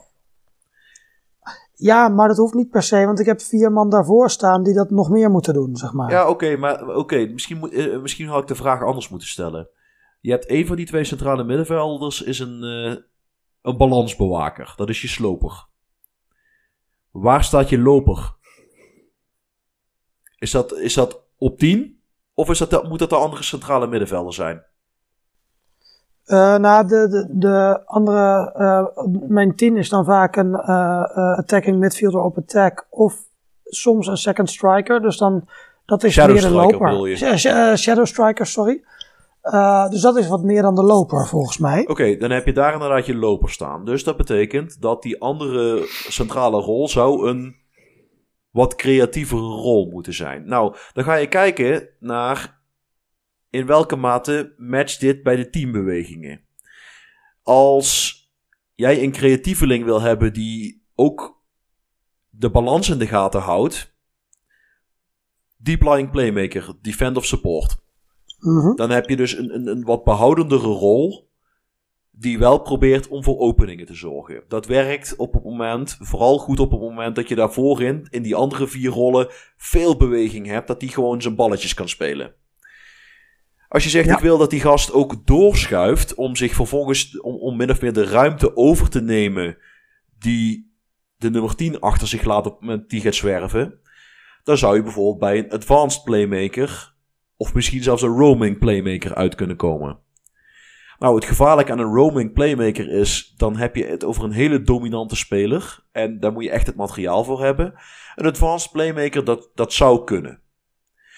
Zit je vervolgens weer met je balans. Ja, dat maar betekent dan is, namelijk- maar dan is die ene centrale middenvelder is weinig. Juist, maar dat zou je weer kunnen oplossen. Met Namelijk- een back. Mogelijk. En door even de winger aan die kant iets conservatiever te maken. Je, wat je zou kunnen doen, is dat je bijvoorbeeld aan die kant een winger op support zet. Of een inside, of een inverted winger, of een inside forward. Of maakt ook niet uit dat je de vleugelspeler wat conservatiever maakt. Plus een inverted wingback aan die kant neerzet. Die wat naar binnen komt en min of meer die zone bij benadering overneemt. Het zou een oplossing kunnen zijn, hè? Ja, Het probleem is dan, ja, je moet er de spelers voor hebben die. Nou, eh, ik- laat ik even teruggrijpen naar, on- eh, naar het Ajax-voorbeeld. Niet dat dat nou mijn favoriete ploeg is, eh, verre van. Maar Je hebt er wel veel over. ja, maar het is, ik probeer, zeg maar, ik ben leraar, hè. Dan probeer je altijd uit te gaan van de belevingswereld van, je, van, je, van de mensen met, met wie je werkt. En eh, for better or for worse, het is de grootste club van Nederland, waarvan iedereen zich een voorstelling kan maken van de selectie en wat die spelers kunnen. Ik kan ook wel zeggen, ik zou het zo doen met Fortuna. En dan denken jullie, eh, oké, wie Wie is dat? Speelt hij daar? Oké, het zal. Maar bij Ajax gaat dat gewoon wat makkelijker. Nou, ehm, even Huub's voorbeeld pakken. Hè? Centrale middenvelder, defend. Dan zou je daar bij Ajax op het moment Alvarez van maken. Ja. Normaal is dat eigenlijk een 6, maar dan maak je er nu eigenlijk een eh, defensieve 8 van. Dan zou je daarnaast zeggen, eh, je wilt daar je creatieve man hebben. Eh, eigenlijk Gravenberg. Mhm. Daar zou je dan van kunnen maken een advanced playmaker op support. Want die wil je dat die doorstoot. Want op 10 heb je je Berghuis of je Klaassen staan. Als shadow striker of als gewoon eh, attacking midfielder op attack. In ieder geval, die gaat lopen, die gaat zwerven, die gaat, die gaat de 16 in. Ja, die gaat de die combinatie 16 aan. komt. Juist. Ja. Dan zou je op rechts. Hè, gaan we voor het gemak er even vanuit dat dat onze vriend Anthony wordt. Dan zou je Anthony eigenlijk de opdracht meegeven om als eh, winger op support te gaan spelen. Of als inverted winger op support. Een beetje afhankelijk van wat je wil dat hij doet. En of hij wel of niet die half spaces in moet. Ehm, maar dan zou je hem op, op support zetten. Namelijk, hij, hij mag dan wel zijn acties maken en hij mag zijn voorzetten geven. Maar hij moet niet te ver naar voren toe gaan spelen, want aan die kant zou een probleem kunnen ontstaan. Dan heb je op rechts Masraoui. En die is inverted wingback. Die komt naar binnen toe. Nou, dat kan die ook, want het was vroeger een middenvelder. Of hij heeft ook wel eens op het middenveld gespeeld. Ik zou zeggen inverted wingback op support. Die komt naar binnen toe en die zal zich ter hoogte van de middencirkel zoiets ophouden. Zeg maar min of meer in die zone waar die nummer 8 ook begint. Bij balverlies zal die wel weer inzakken, maar hij staat daar wel lang genoeg om vaak de angel uit een counter te kunnen halen. Ja. Dan heb je achterin, zou ik zeggen, één centrale verdediger en één ballplaying defender. De centrale verdediger aan de rechterkant, de ballplaying defender aan de linkerkant. Ja, maar waarom dan? Op rechts gaat die inverted wingback, die gaat al zwerven. Daar wil je ook niet ook nog eens een keer die verdediger in balbezit hebben die gaat inschuiven. Daar moet vooral een speler staan die de zones in de gaten houdt. Ehm, dat is je Jurgen Timber. Die kan ook wel voetballen, daar gaat het niet om. Maar die moet vooral de balans in de gaten houden en de gaten dichtlopen. Die andere, ballplaying die, die andere verdediger zou ik dan wel een ballplaying defender van maken. Waarom? Die advanced playmaker die gaat lopen. Die gaat de 16, die, die gaat in ieder geval weg. Je wil van achteruit ook de opbouw verzorgen. Laat je dat keurig netjes doen door die ballplaying defender. Dan zou ik er gewoon voor de balans een fullback op attack naast zetten. En dat kan Taljafico op zich ook wel prima invullen. Alleen dan komt hij hoog uit tot net op de middenlijn. Wat op zich prima is. Want dan Ja. staat hij ongeveer naast die cent, dan staat hij ongeveer naast je Alvarez. Met Masraoui daar ook nog bij. En dan heb je daarachter dat blok van twee verdedigers. Maar bij balbezit zakken die backs weer terug in. Die central midfielder zal dan ook een wat verdedigender positie innemen. En de rest plooit dan op een gegeven moment ook weer terug. En hey, op papier klinkt het kei goed en ziet het er kei mooi uit. en gaat dit in de praktijk werken? Ja, dat zul je echt een paar keer moeten proberen. Want op papier kan het prima werken, maar je moet ook het materiaal hebben om het vervolgens ten uitvoer te brengen. Heb ik, de helder verhaal Guido, dankjewel. Heb ik wel nog één vraag. eh, voor een wat creatievere speler naast die ehm, balans in die twee. Zou dat ook, eh, want die, zou, je, zou dat ook een met Zala op support kunnen zijn? Want ik heb die combinatie wel eens gezien, ik vind hem intrigerend. Het is vaak ook wel een wat creatievere speler, maar hij loopt ook wel iets meer uit positie. Nou, dan, dan is mijn eerste vraag aan jou. Wat denk je dat wat een Mazala doet? Ja, die trekt natuurlijk een beetje naar de buitenkant, een beetje de, de half spaces in. Ik, ik, heb, ik heb er veel gebruik van gemaakt op een, in, in mijn 4-3-3, met- op, in een attack eh, eh, variant. Maar in een 4-4-2 met de support eh, ken ik hem, of een 4-4-2, 4-2-3-1, in een- met een support ken ik hem niet zo goed. Maar ik, ik zat daarover na te denken. ehm, Maar, maar omdat ik denk, hij, hij geeft wel wat druk. Zeg maar. Hij, hij, hij jaagt wel op. Tackling is ook een van de attributen die, eh, die, die gehighlight wordt eh, erbij. Dus ik denk, hey, misschien heb je daar wat aan in de balans. Eh, maar omdat hij wel uit zijn positie loopt en wat meer die half spaces opzoekt, ligt daar, laat hij misschien ook juist ruimte vrij. Nou, la- laat ik je de vraag anders stellen. Hè. Je hebt de Mazala op support en je hebt de Mazala op attack. Eh, wie, welke speler zou jij een, een goed real-life voorbeeld vinden van een eh, aanvallende Mazala? Ehm, ja, daarvoor zie ik misschien net te weinig voetbal op topniveau. Maar ik, ik, ik vind altijd eh, eh, Bernardo Silva, Kevin de Bruyne, vind ik Maar- dat type. Ben ik niet heel... Pedri misschien ook. Nou, als ik een ander voorbeeld mag geven. ehm, zoals hij bij Real Madrid op een gegeven moment stond te voetballen. Angel Di Maria. Ja, want ik. De Mazala is eigenlijk een, eh, zeg maar een andere rol zoals hij in het Engels wel eens genoemd wordt, was de central winger. Dus een speler Ja, die centraal je- begint en de vleugel opgaat. Maar dat is eigenlijk in essentie een loper. Ja. Dus eh, daarmee zeg ik niet dat hij geen assist kan leveren of niet voor een opening kan zorgen, maar het is in essentie een loper. Het is een hele mobiele rol. En op support kom je meer uit bij. Ik weet niet of je je het, eh, het Juventus van een aantal jaar geleden kan herinneren. Waar Bles Matuidi speelde. Mhm. Dat was het bijvoorbeeld daar een Mazala. Die begon centraal en die dook een beetje die half spaces in. Maar dat was wel een, een, een dienende loper. Dat was niet iemand van wie je creatieve openingen moest verwachten. Maar die zorgde dat de bal naar de vleugel gebracht werd. En die bleef op en neer bewegen. Ja, de luisteraars kunnen dit niet zien. Ik ben met mijn handen allerlei wilde gebaren aan het maken. En ik dacht, Zelfs, zelfs wij kunnen het niet zien, Guido. ik, ik bedacht me op een gegeven moment dat het compleet futiel was wat ik hier sta te doen. eh, zit te doen. Ehm enfin, eh, de Mazala is een loper. Dus als jij daar een loper neerzet, dat kan. Maar dan zal ergens die creativiteit vandaan moeten komen. Dus dan zul je je nummer 10 moeten ombouwen naar een spelmaker.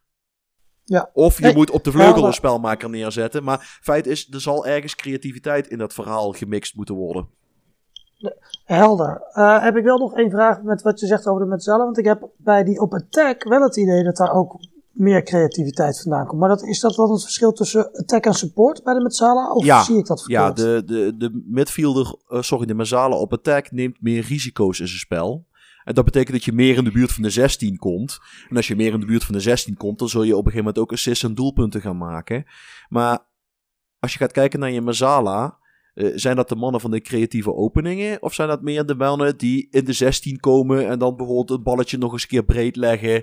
Of de achterlijn opzoeken en die bal dan terugtrekken? Of zijn het echt de mannen van de steekpasses? Eh, ja, wel in mijn ervaring allebei, maar wel meer het eerste. Precies, dus het zijn lopers die met hun loopactie voor ruimte zorgen en daar een paas aan koppelen. En daar is niks mis mee, hè? dus daarmee zeg ik niet dat ze niet creatief zijn. Maar als je dat vergelijkt met een spelmaker die soms vanuit bijna stilstand de openingen zorgt, pak, eh, pak even Modric met zijn geniale ass- assist laatst. Dat, dat Ja. is een traditionele spelmaker die bijna vanuit stilstand openingen forceert. Terwijl een Mazala veel meer is. eh, Nou, wat ik bijvoorbeeld ook een geweldige Mazala vind, is eh, Jude Bellingham. Ja, Eh, die, die maakt loopacties vanuit het middenveld. Die duikt in die half spaces op. En die gaat van daaruit, probeert die openingen te forceren. Dus daar zit, wel een, eh, er zit wel een verschilletje in. En die kun je gebruiken, maar dan zul je ergens anders een spelmakerrol in, in, in de mix moeten gooien. ja. Helder. Eh, ik heb ook wel eens gehoord, en volgens mij is het niet waar, maar ik leg hem graag aan je voor, dat je met een driemans eh, eh, middenveld, ongeacht welke kant de punt op is, of op lijn, of weet ik wat, dat je altijd moet zeggen voor, zorgen voor één, eh één op defend, één op support, één op attack. Eh, dat is onzin. Dat vermoedde ik al, maar ik denk, Het, eh, het, is, ik laat het jou nog een keer hard zeggen voor iedereen eh, het is een... eh, het is die een dit ook wel eens gehoord heeft en, er ook aan, en, eraan twijfelt. Het is, het is een vuistregel. En daarmee zeg je eigenlijk meer: zorg ervoor dat er één speler is die de balans bewaakt. Maar als je die, die central midfielder op defense zou je ook een central midfielder op support van kunnen maken. Als zijn rol in het geheel maar is om een beetje de balans in de gaten te houden. En laat ik je een ander voorbeeld geven. Ik heb een tijd lang met Dynamo Kiev in een eh, formatie gespeeld met geen enkele defensive role in het, in het geheel. En toch hadden we elk jaar de beste achterhoede van de competitie en ook in Europa. Geen enkele defensive role. Maar toch, eh, ik, ik, zal je, eh, ik heb die tactiek al eens eerder beschreven. Dat is met white centerbacks en een libero en Ja. twee segundo volantes. ja. Maar die segundo volantes waren eigenlijk voor puur defensief bedoeld. Om samen met de libero een, een, een nieuwe driemans achterhoede te vormen op het middenveld. Terwijl die white centerbacks er vervolgens overheen klapten. En mijn vleugelspelers naar binnen trokken. En van daaruit, eh, van daaruit voetbalden. Dus Ja, eh, het, is, helder. het is onzin om te zeggen dat er per se een verdedigende rol in moet zitten. Het is meer, er moet een rol in zitten die de balans in de gaten houdt. Er moet een wat aanvallendere rol in zitten.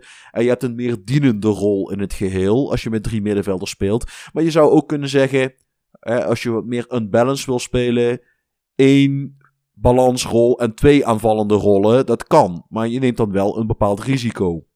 En dat moet je dan weer indekken door de rest van de ploeg daarop af te stemmen. Maar het is onzin om te zeggen, het moet. Je moet erover nagedacht hebben. He- helemaal helder. Om eh, heel even in te haken op een, een mooi wat je net vertelde. Ik heb altijd begrepen, je hebt het steeds over balans. ik, ik denk dan, ik denk, ja, dat komt af en toe voorbij. Ja, soms. Ik denk dan ook aan, aan balans in, in mentaliteiten.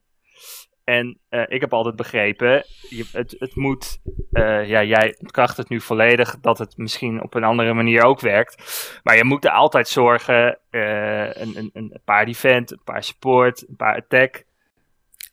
En daar hou ik me ook, ook altijd aan. Maar is, is dat wel zo belangrijk? Of kan je dat ook op een andere manier oplossen door juist gewoon ja, de, goede, de goede combinaties eh, Ik denk dat je met de goede combinaties in combinatie met de goede speelstijl een heel eind komt.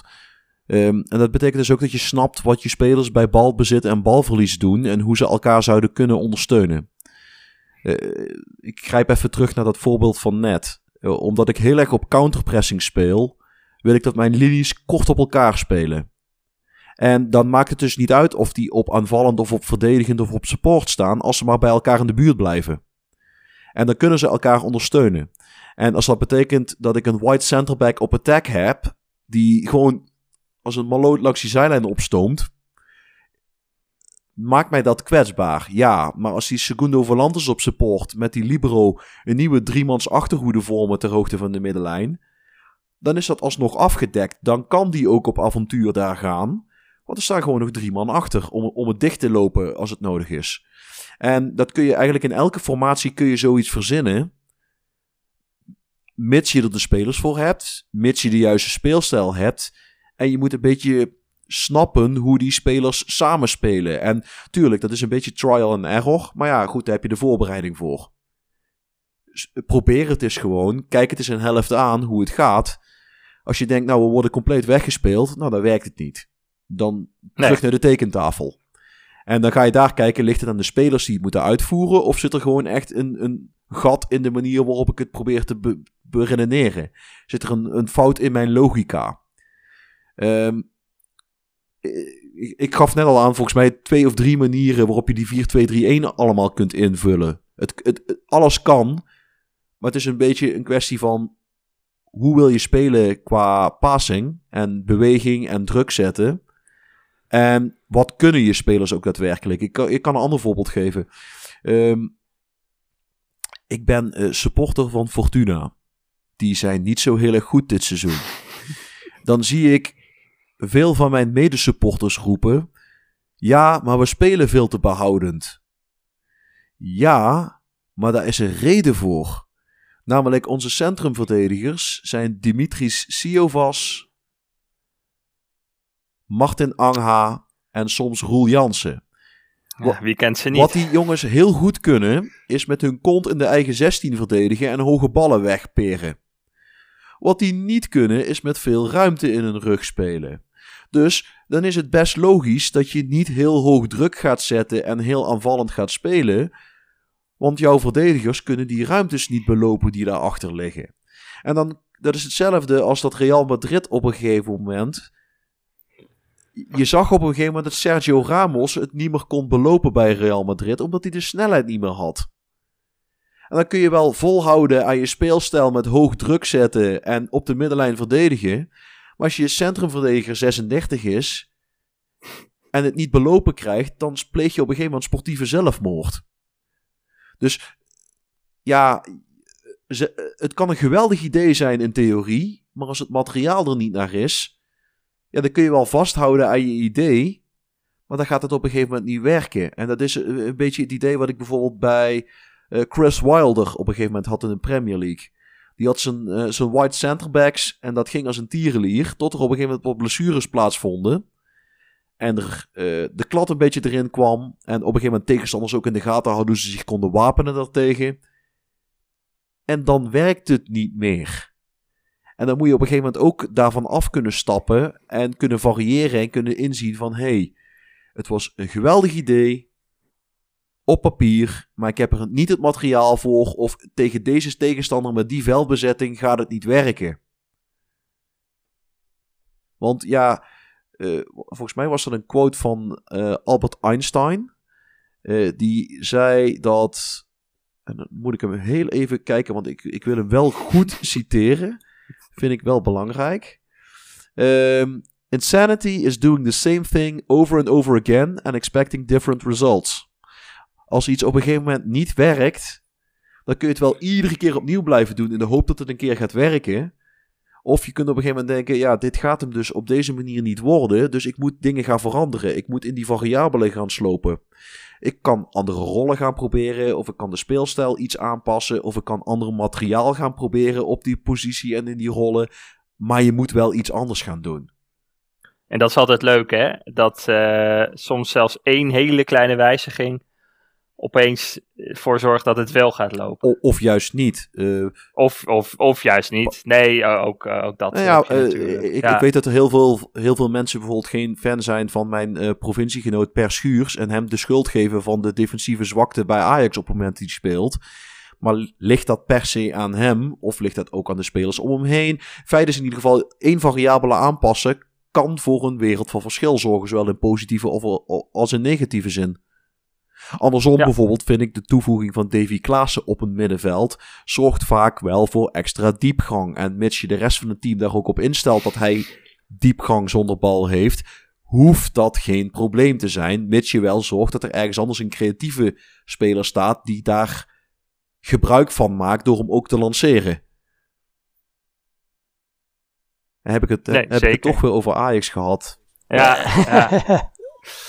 Maar als we uh, nog, uh, wat ik vaak mooi vind om te zien, dat is echt spel vanaf de vleugels. Dus gewoon naar voren, die vleugelspitsen, bal hoog, kopje van de, van de spits. Wel, welke rollen passen daar het beste in? Hoe, hoe stel je je vleugelspelers in? Doe je ze dan echt wingers? Want als ik zo die omschrijving lees, die gaan gewoon zoek het krijt op eh, van de achterlijn en, uh, en geven hem voor. Ja, maar dat ligt denk ik ook weer aan je speelstijl. Namelijk als jij uh, heel direct voetbalt, met een directe speelstijl, dan ga je voor ouderwetse wingers die die bal voor de pot slingeren. Daar staat een targetman of in ieder geval een kopsterke aanvaller met misschien een kleinere loper achter of naast hem. En daar ga je voor. Dan heb je gewoon de, de, de traditionele niet alleen Engelse setup, maar uh, misschien ook wel een beetje de traditionele Nederlandse setup met een grote spits en twee vleugelspelers met het krijt aan de, en, uh, van de kalklijn aan de schoenen.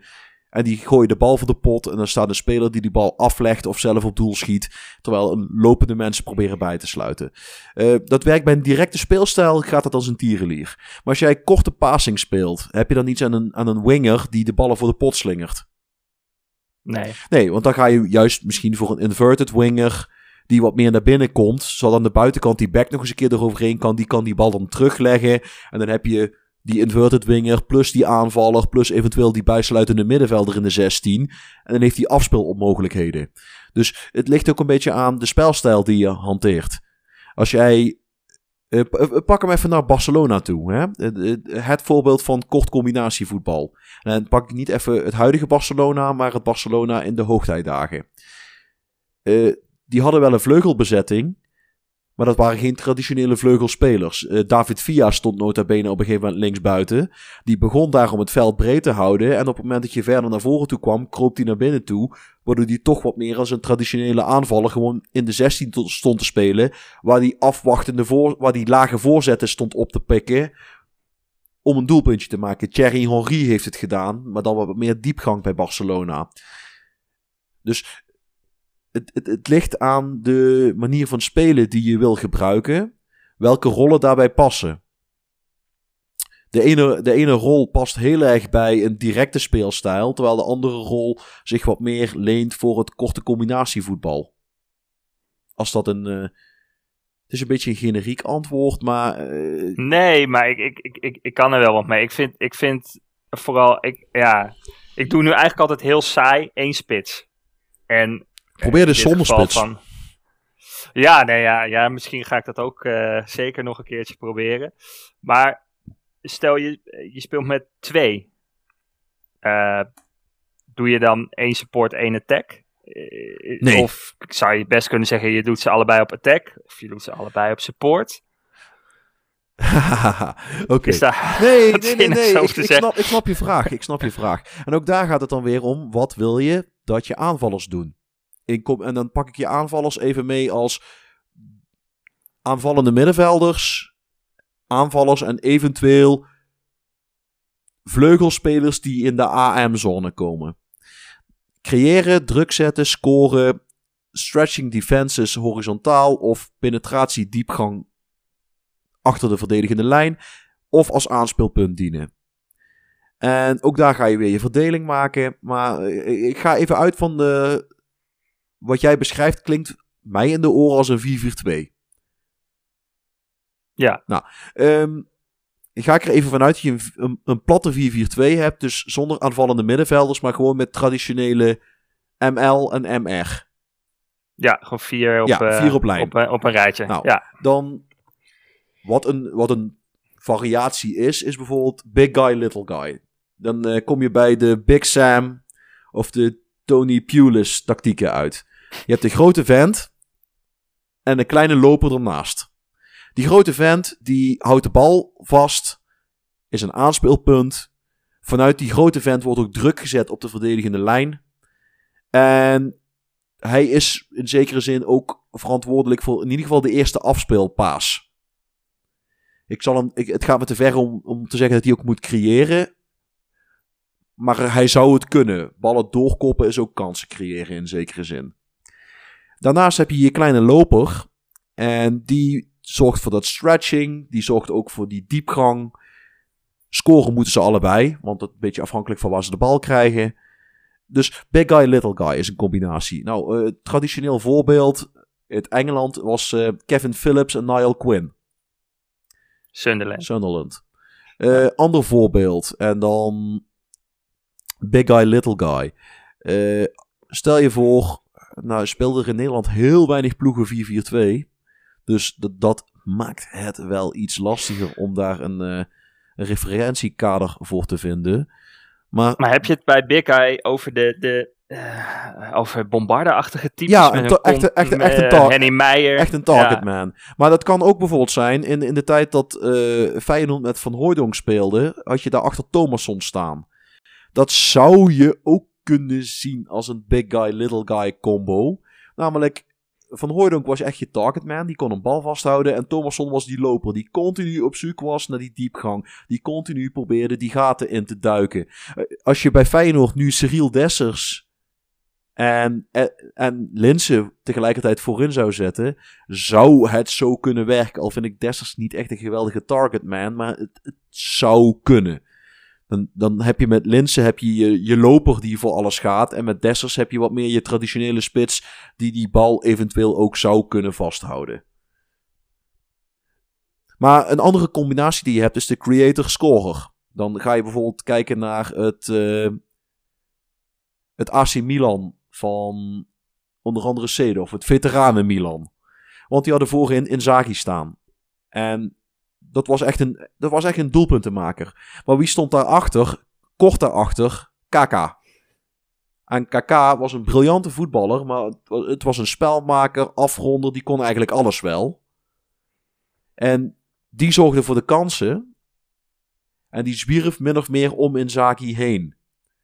En Inzaghi's voornaamste rol was, blijf daar achterin staan, jaag die verdedigers af en loop op alles. De creator-scorer combo. Nou, je zou het ook kunnen doen als eh, de false nine met de running 10. Mag, mag nog heel even terug naar de, naar de vorige. Jazeker. Die creator score. Als je, als je dat even vertaalt naar rollen. Eh, wat, is een, wat is KK dan Dan bijvoorbeeld? zou KK, zou, als je hem in de spits zet, hè, als je dus echt twee spitsen naast elkaar zet, zou KK je false nine kunnen zijn. En Inzaghi zou dan je advanced forward of je poacher kunnen zijn. Als je ze achter elkaar zet, dus eh, spits en aanvallende middenvelder, dan zou ik het inderdaad ook Mhm. weer over een poacher of advanced forward hebben. In combinatie met, afhankelijk van je speelstijl, advanced playmaker, trequartista.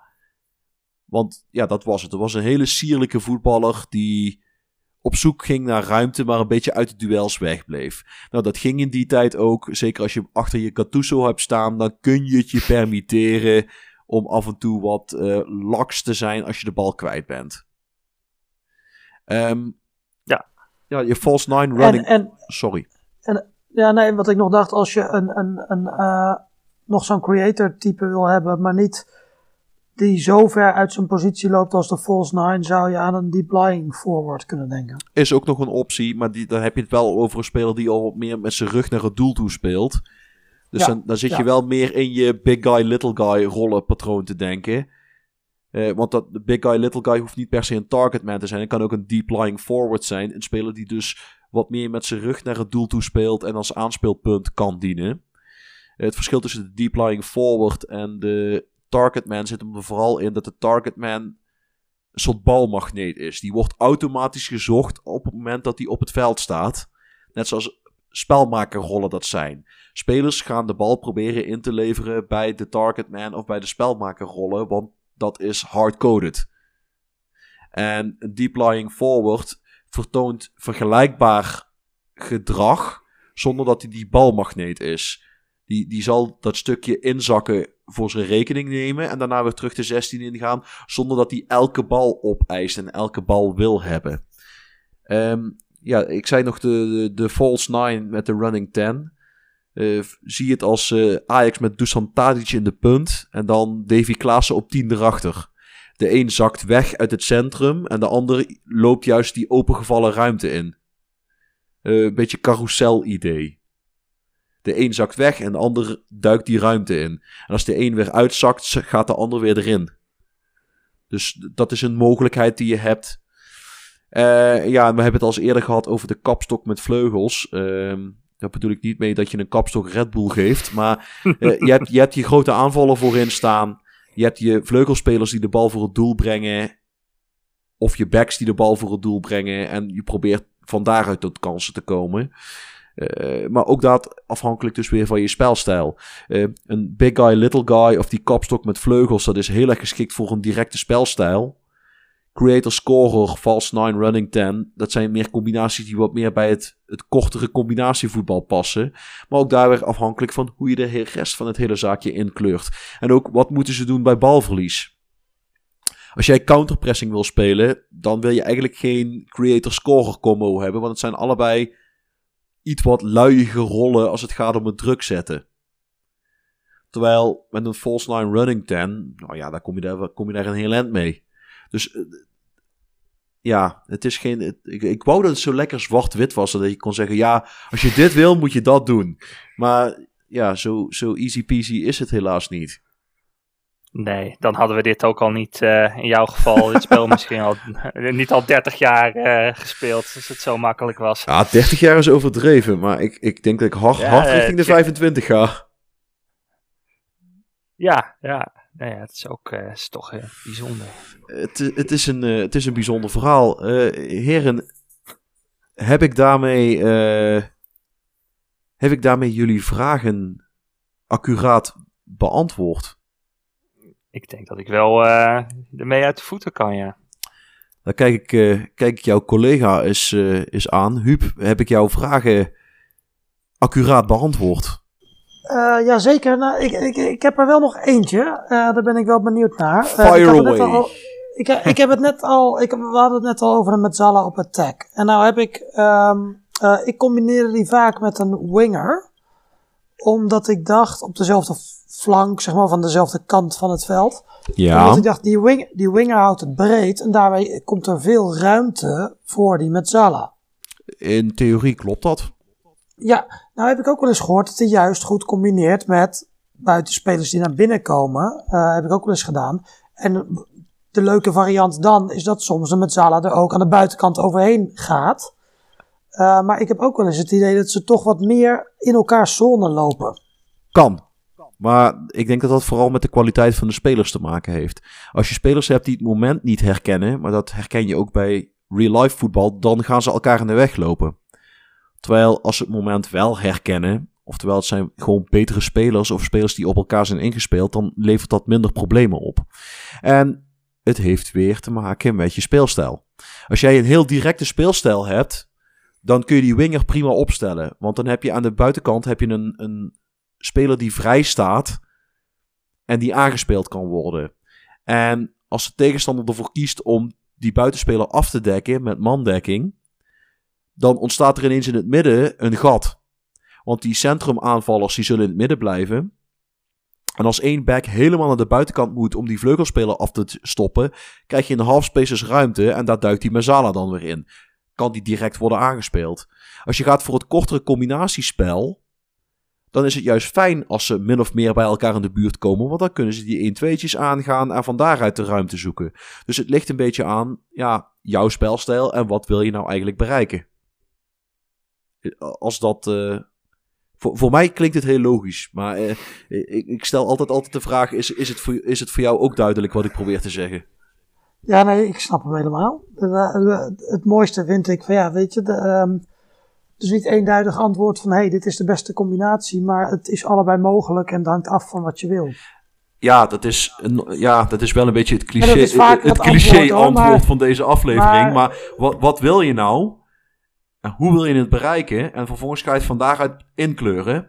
En hey, ik maak ook fouten. Iedereen maakt fouten. En soms heb ik ook iets waarvan ik denk: wauw, dit lijkt me een geweldig idee. En in de praktijk komt er, geen, komt er helemaal niks van terecht. Nou, dan ga je kijken en soms is het van: ik heb het materiaal niet om dit te kunnen doen. En soms denk je: oké, de spelersrollen doen niet wat ik bedacht had dat ze zouden moeten doen. Ja, dan kan ik wel heel stug blijven doorspelen. Want ik wil dat het werkt. Of ik kan gewoon accepteren dat de engine niet zo werkt als dat ik zou willen dat die werkt. Ja, goed, dan ga je wat anders zoeken. Eh, eh, Ja. ver- Vergelijk het met, eh, als ik een real-life voorbeeld mag nemen. Vergelijk het nu met PSG, wat eh, de afgelopen transferwindows gewoon van alles ingekocht heeft. En die zitten nu met eh Jorginho Wijnaldum op het middenveld. Ja. Is, dat een, is, dat, is dat een slechte middenvelder? Nee, absoluut niet. Nee. Past die in de tactische setup van Paris Saint-Germain voor geen ene meter? Want Wijnaldum is een heel dynamische speler met diepgang naar voren toe. Niet een speler met eh, een geweldige steekpaas, maar wel een speler die voor beweging zorgt. En van daaruit de korte combinaties wil aangaan. Alleen willen de aanvallende spelers van PSG dat? Nee, Messi, Neymar, Mbappé en Di Maria die willen vooral met z'n vieren samen voetballen. Soms. En de middenvelders van PSG zijn eigenlijk vooral daar om de balans te bewaken. Verratti is een prima spelmaker, maar die zorgt wel dat hij de bal zo snel mogelijk naar een van die vier krijgt. En zoek het maar uit en ik blijf een beetje in mijn zone hangen om de balans te bewaken. En hetzelfde met die Argentijn, Paredes die er dan staat, of wie er dan ook staan. Dat zijn vooral spelers die de balans bewaken en ervoor zorgen dat je niet op een counter hopeloos op een hoopje gespeeld wordt. Waar, waar komt dan de breedte vandaan van de backs? Want die moeten er dan overheen klappen om afspeelmogelijkheden aan de, op de vleugel te verzorgen. En zeker als je met Messi speelt, speel je bij balbeverlies met een man minder. Dan, dan heb je vooral mensen nodig die lopen en meters maken, want hij maakt ze niet. Dus het, eh, ja, een mooi voorbeeldje van het balansverhaal. En dat zelfs een goede voetballer toch uit de toon kan vallen, omdat zijn rol en zijn speelstijl niet matchen met wat de rest doet. Of wat nodig is om de rest tot voetballer te laten komen. Duidelijk. A- ander voorbeeldje, iets, iets langer geleden. Ehm, pak ik eh, Julio Ricardo Cruz. Was een, best, eh, een hele ordentelijke spits. Rendeerde niet, niet altijd even goed bij Feyenoord. Omdat zijn manier van spelen niet per, per se de stijl van spelen was die ook bij de rest van het team paste. Pas op het moment dat zij zich gingen afstemmen op wat bij hem paste, kwam hij tot bloei. En dat geldt, ja, eigenlijk voor elke voetballer. Je, je maakt deel uit van een collectief. En jij als manager bepaalt welke spelers wil je dat er uitblinken. Daar zorg je dan voor dat er randvoorwaarden gecreëerd worden waarin die jongens kunnen uitblinken.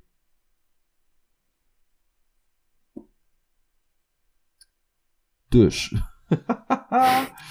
Ja, ik zit het even te verwerken. Het is allemaal heel- logisch. Heldere verhalen, Guido. Oh, eh, eh, soms eh, mooie inzichten, soms bevestiging van wat ik al dacht. En eh, ik, eh, ik, ik ga wat slijpen aan mijn tactieken de komende tijd.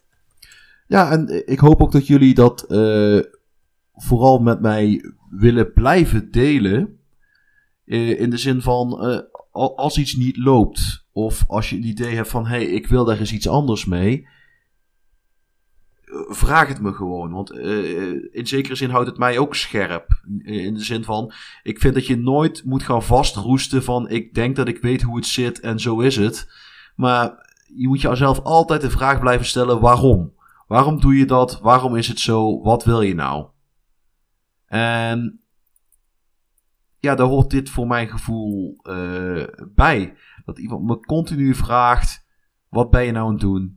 Waar heeft dit mee te maken? Wat wil je nou precies? Hoe, hoe zie je dit voor je? Waarom denk je dat het zo is? Eh, blijf, me, blijf me alsjeblieft die vragen stellen, want ik, ik word daar ook beter van.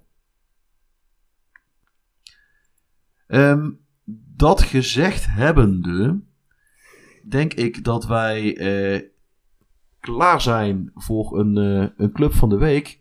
En ik, ga Vincent een, eh, een voorzetje geven, als ware ik die inverted winger die eh Haller probeert weg te steken. Brilliant! Just brilliant! He gave that the works. Oh, what about that? What about that? De club van de week. Ja, nee, top. Eh hij doet split. Ik had het er net al even over. Ehm, is, ehm, ja, wie eh, Kroatië zegt, zegt natuurlijk doet split of Dynamo Zagreb. Afgelopen jaren is Zagreb wel het, eh, ja, het, het grootste team, waar ook de, wel de bekendste spelers eh, vandaan komen. Ehm, maar misschien is Hajduk juist een leuke uitdaging omdat ze, even uit mijn hoofd, voor het laatst kampioen zijn geworden in 2004. Ja, het is al even geleden. Dat goed, het is, het is heel lang geleden. Ja, 2004, 2005.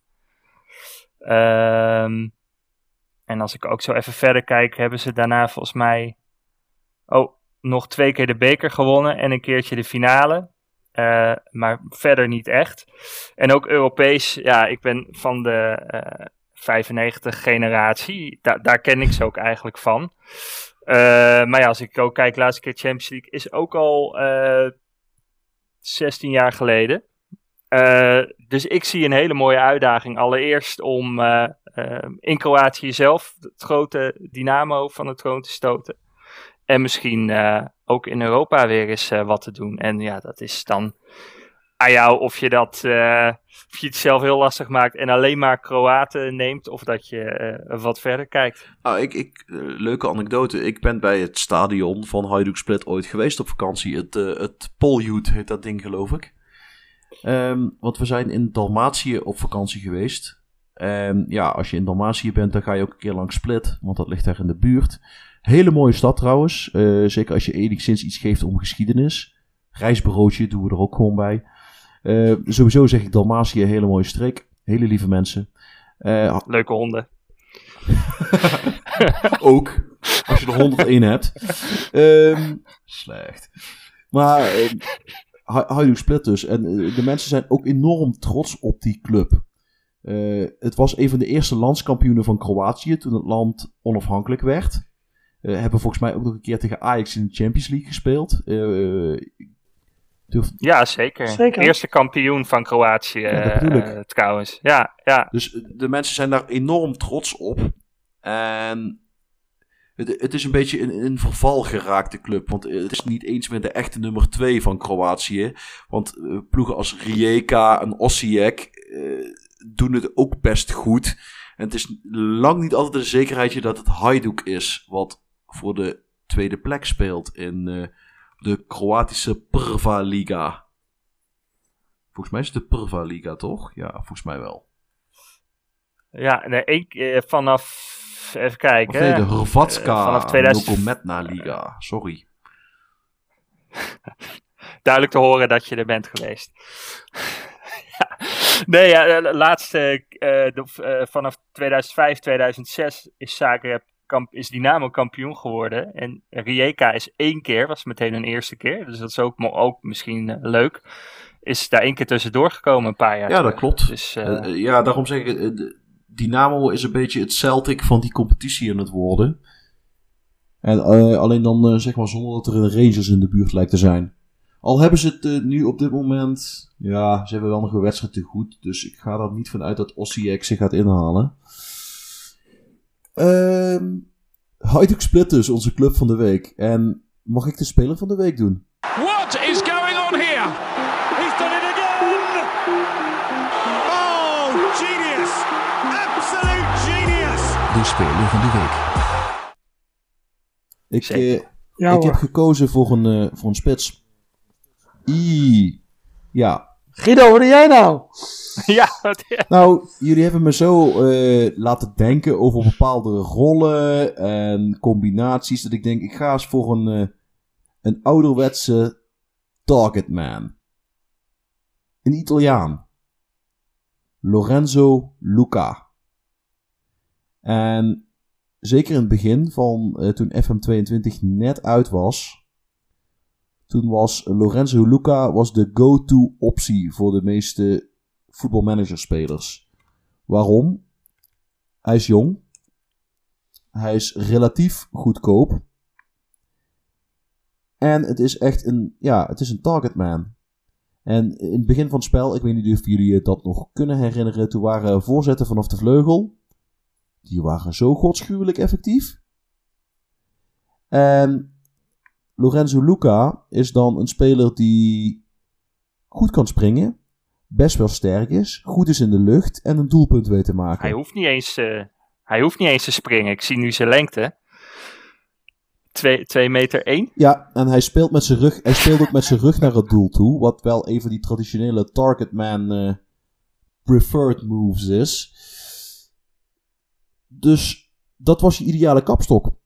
En daar, kun je mooi mee variëren met wat je daar rondomheen allemaal wil gaan doen, afhankelijk van je speelstijl.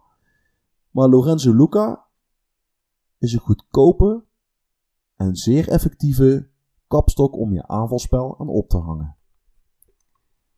Daarmee zijn wij aan het einde gekomen, lieve luisteraars, van volgens mij is dit aflevering 32 van dit seizoen alweer. Bedankt voor het luisteren. Mochten jullie nog vragen hebben, dat kan. Dan kunnen jullie die stellen via podcast.manunited.nl. Het kan via Twitter, het kan via het forum. Liefdesverklaringen voor Vincent en Huub zijn ook welkom. Het mag gewoon. Als je jezelf wil uitnodigen om een keer als gast uh, mee te doen, zoals Vincent gedaan heeft, dat kan gewoon. Wij staan daarvoor open. Wij vinden dat helemaal prima en helemaal top. Vergeet je niet te abonneren op onze podcast. Dan krijg je elke woensdag een heads-up wanneer we een nieuwe aflevering droppen. Een rating van 5 sterren op je medium naar keuze zouden wij ook fijn vinden. Vind het algoritme leuk, vinden wij leuk, vindt Fabian leuk. Gewoon doen. Deze aflevering werd mede mogelijk gemaakt door Jack of Spades, een heerlijke Vlaamse triple die ik genuttigd heb in de aanloop naar deze aflevering. Ik heb geen idee wat die andere twee gedronken hebben. Ik zie ze wel af en toe iets drinken. Hubert thee volgens mij. Ja, en een uh, lekkere limoncello. En een lekkere limoncello. En Vincent had iets van wijn, dacht ik. Nee, het is uh, Sintel van Nevel uit Nijmegen, een, een zuurbier. Nou, kijk. Dus uh, wij worden nog niet gesponsord, maar als uh, bierbrouwers of andere producenten van alcoholische versnaperingen zich geroepen voelen, wij staan open voor product placement. Doen wij gewoon. Ja, zit ik er elke week. hey, niet alleen jij. Ehm, dat doen wij gewoon. Dames en heren, nogmaals hartstikke bedankt en tot de volgende week. De Voetbal Managers United podcast.